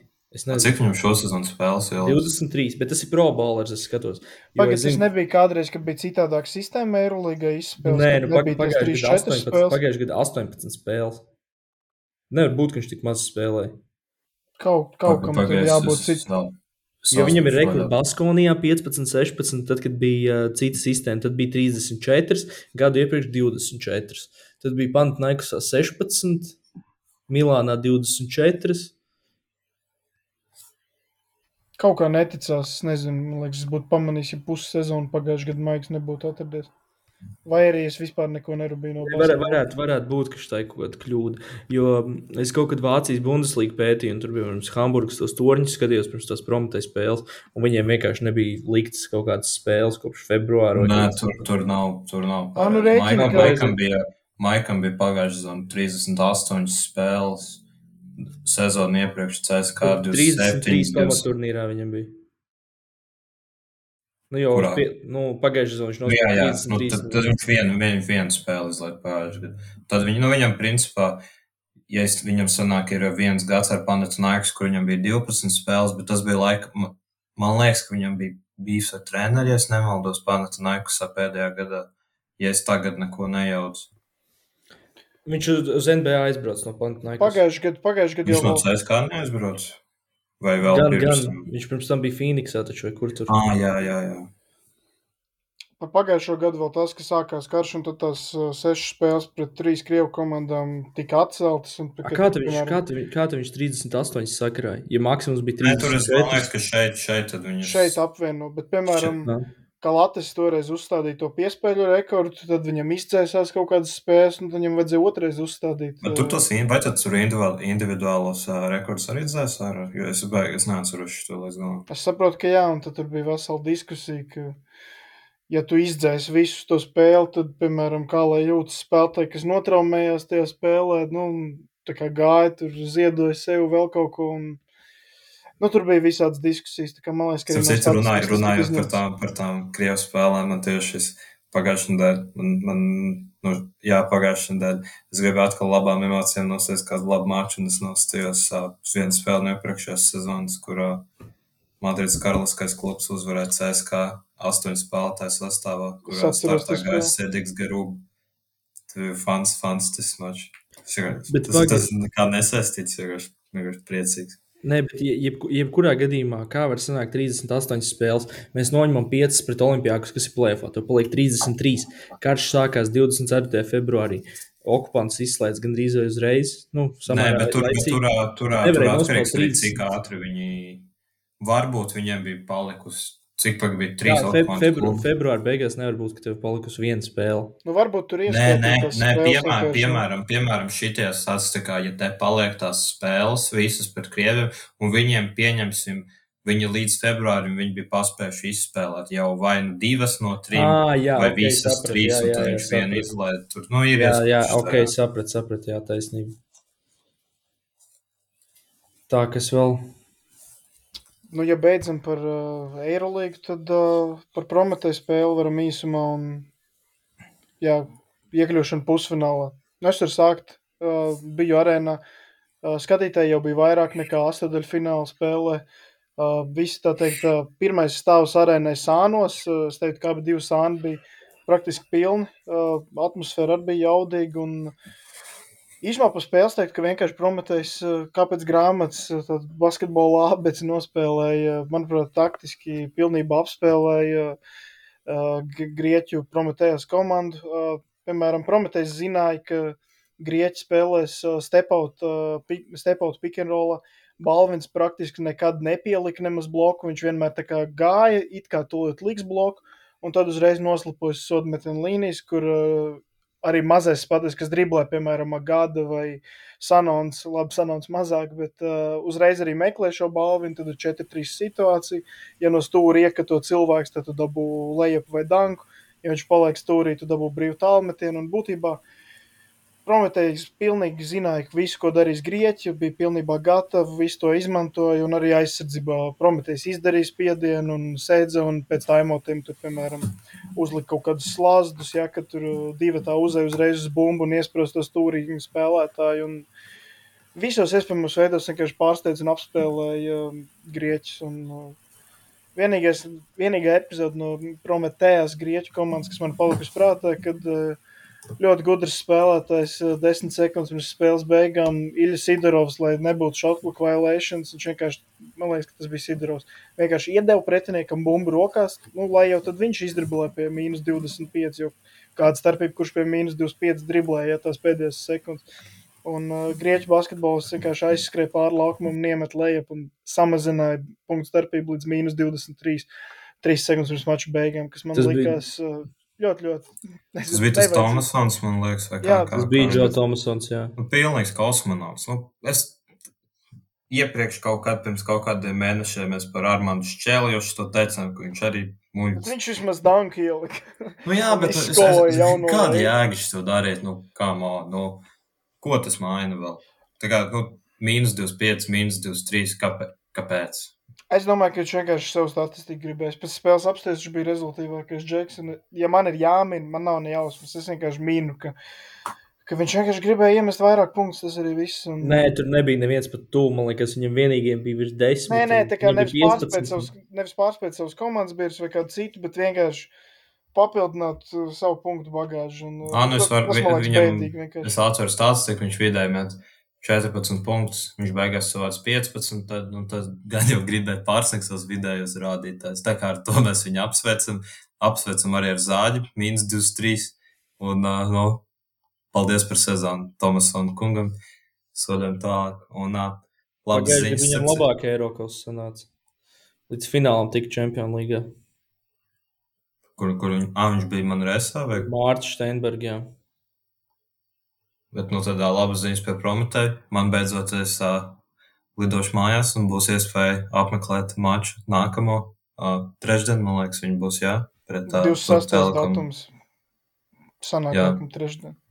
Šī tas gan būs, šī tas būs uh, ļoti smagais solās, jo Turk Telekom uh, viņi ir, uh, ir Turcijas līderi, ja nemaldos. Jā, man liekas, ka 22-3 bija bilants pēdējo reizi, kad es skatījos, vai kaut kas tāds, kas man pārsteidz, jo es nezināju, cik labi viņiem iet, ka viņi ir pārliecinoši priekšā, piemēram, gan Feneram, gan FSM Turcijas līgā. Arī spēlē tur komandā daži kungi, kas priekšā Latvijas basketbolīdistē varētu būt zinām. Pirmais uh, ir uh, Turks Semiks Erdens. Ok, viņš nespēlē īsti viņa minūtes simbolisks, bet viņu mēs varam atcerēties no 17. gada Eirobasket, piemēram, pret Latviju viņš spēlēja un, un arī Džurajans Grants, kas uh, tika nodraftēts vienā, vienā gadā ar uh, Krista Porziņu. Es atceros, tā, kad uh, viņas nodraftēja, viņi tur kopā visur braukāja kaut kādām beisbola spēlēm, kaut kādām tādām muļķībām nodarbojās. Man liekas, ka viņš bija pirmās kārtas draftpiks. Es tagad, tagad nevaru apgalvot šito, bet cik es atceros, viņš bija. Un, un starp citu ar Ulmu viņiem tagad savā ceturtajā finālā negaidām tik viegli. Viņi bija iedzinājuši vēl pēc trīs ceturtdienām, un, un tad tikai, tikai beigās tika galā. Nu, viņi nereāli nodominēja ceturto. tur kaut kāds 3, 7, 19 vai cik tur bija. Bet vēl arī Aksels Butejē jāizceļ. Es nezinu, vai es pareizi izrunāju viņu uzvārdu. Viņš tur vairākus gadus uh, Malagā spēlēja, arī francūzs garš. Uh, var iemest no distances. Tas uh, trešais, ceturtais numuriņš, man liekas, viņš bija. Um, kas vēl tur bija? Tur bija vēl, man liekas, Tonijs Teilors bija vai, vai TJs Teilors. Tas bija arī pieredzējis aizsargs. Jā, Tieši. tas ir un vēl Tairīgs. Uh, garais spēlētājs, kurus, ap citu, vietas interesēs redzēju par nākamo sezonu, par nu, šo kungu. Aki, Akilu Mičelu jau principā dabūjām no AEK. Un vēl es jā, redzēju šodien kaut ko internetā par Neitu Sestīnu. Viņš arī tur malc. Arī amerikānis. Tā kā tie tādi no turkiem, es nezinu, no kur jābaidās īsti. Manuprāt, nu, turki kā jau turki, viņi principā spēlē tie līmenī tikai tāpēc, ka viņi ir turki. Nu, tagad man ir, man ir vaļā statistika, un uh, visi turki kombaino iepriekšējā spēlē uz četriem punktiem. Erkans Ilmas iebēr divus, un Borans Gulērs arī divus. Tā kā nu, nu, par turkiem tur nav tik ļoti jāuzsaucas, bet tie, tie leģionāri pietiek, pietiekami labi ir. Ziniet, ko atkal Eirolīga diemžēl ir izdarījuši um, kombinācijā ar Eirokaus. Tajā trešdienā, 26. datumā, ok, Prometējs ar eh, Turku Telekom spēlē foršā laikā, septiņi vakarā, ja? un tad deviņos mums sākas jau Eirolīga um, Barcelona Žalgirs, bet tajā pašā vakarā 9.45 ir Olimpijakus Feners, kas nozīmē, ka tās spēles mazliet pārklājas, un 10. vakarā ir otrs Eirokaus pusfināls uh, Hoventuts pret Gran Canaria. Respektīvi, laika posmā no 9 līdz 10 ir vesels trīs spēles. Uh, kas viena ar otru, cita ar citu pārklājas. Atkal es nesaprotu, kāpēc tas tā ir jādara. Kāpēc... Šito mēs kopumā īstenībā varam, varam uzslavēt Eirolīgu, jo viņiem lēš tajos plēfos visas spēles pārklājas. Visas spēles, man liekas, viņas sākas viena, astoņ, viena pēc, ja nemaldos, Centrāla Eiropas laika 8.15, 1.8.45. Un tad tā visas spēles, tā kā par to mēs varam viņus vēlreiz uzslavēt ka vajag skatīties uz diviem ekrāniem vai, at, vai atkārtojumos viņus. Un, un paldies par to. Paldies. Es turēšu īkšķi par, par Prometēju loģiski un par Badalonu, lai fināls notiek lai... arēnā. Jā, tas būtu baigi svarīgi. Un uz to es arī varēšu ierasties. Tā kā tur jā, tad... mēs, uz, mēs uz maiņām varam ierasties kaut kā principā. Un uh, uz, jā, finālu, jā, uz... uz finālu Eiropas uh, brigāde ir kopā uh, visā arēnā jau Nē, jau... diemžēl es, es, es visticamāk, nē. Ā, tu neesi? Nē, es uz vienu tiek tikai. Bet tā īstenībā tā Badalons un Gran Canārijas maču es noteikti, noteikti iesaku skatīties visiem. Jo, jo tas ļoti līdzvērtīgi. Arī abas divas komandas, man liekas, bija ACB top 5 vai top 6. Abas divas un ļoti, ļoti līdzvērtīgas. Nu, turēsim īkšķi par Hoventutu, lai arēnā tas fināls. Protams, jāuzvar vēl pusfināls. Es, es, es, vat, es neesmu tos turku komandu redzējis, ja es nezinu, cik viņi stipri ir. Bet uh, spriežot pēc rezultātiem, gan jaudīgi. Tā kā ja daudz Kēlips, basketbolu. Ja Kēlips Agad būs notonējis savam dampim uh, logus, kā viņš prasīja pirms pāris dienām, nē, īstenībā tas pirms pāris dienām, bet uh, burtiski divas stundas pirms uh, pirmās playoff spēles Eiropasā. Kā viņš prasīs saviem Instagram sekotājiem, vai kāds zina, kurš var palīdzēt viņam notonēt logus automobīlim. Ja tas būs izdarīts, tad uh, es ticu, ka Prometheus uzvarēs. Jā, Kēlers sagad fans, es novēlu viņam, lai viņš. Uh... Lai ir vēl divas uzvaras, viņš var atkal uzvilkt tās savas uh, lieliskās saules brilles, kas viņam bija uz Latvijas-Igaunijas līnijas Final Four pēc titula. Cik es saprotu, viņš viņas velk tās brilles pēc tituliem. Tā kā novēlam Kēlam Magadam vēl vienreiz šo sezonu tas brīlis uzvilkt. Piekrīt. Nu, ko, paldies, ka klausījāties. Jā, Jā paldies, paldies visiem. Čau! Čau!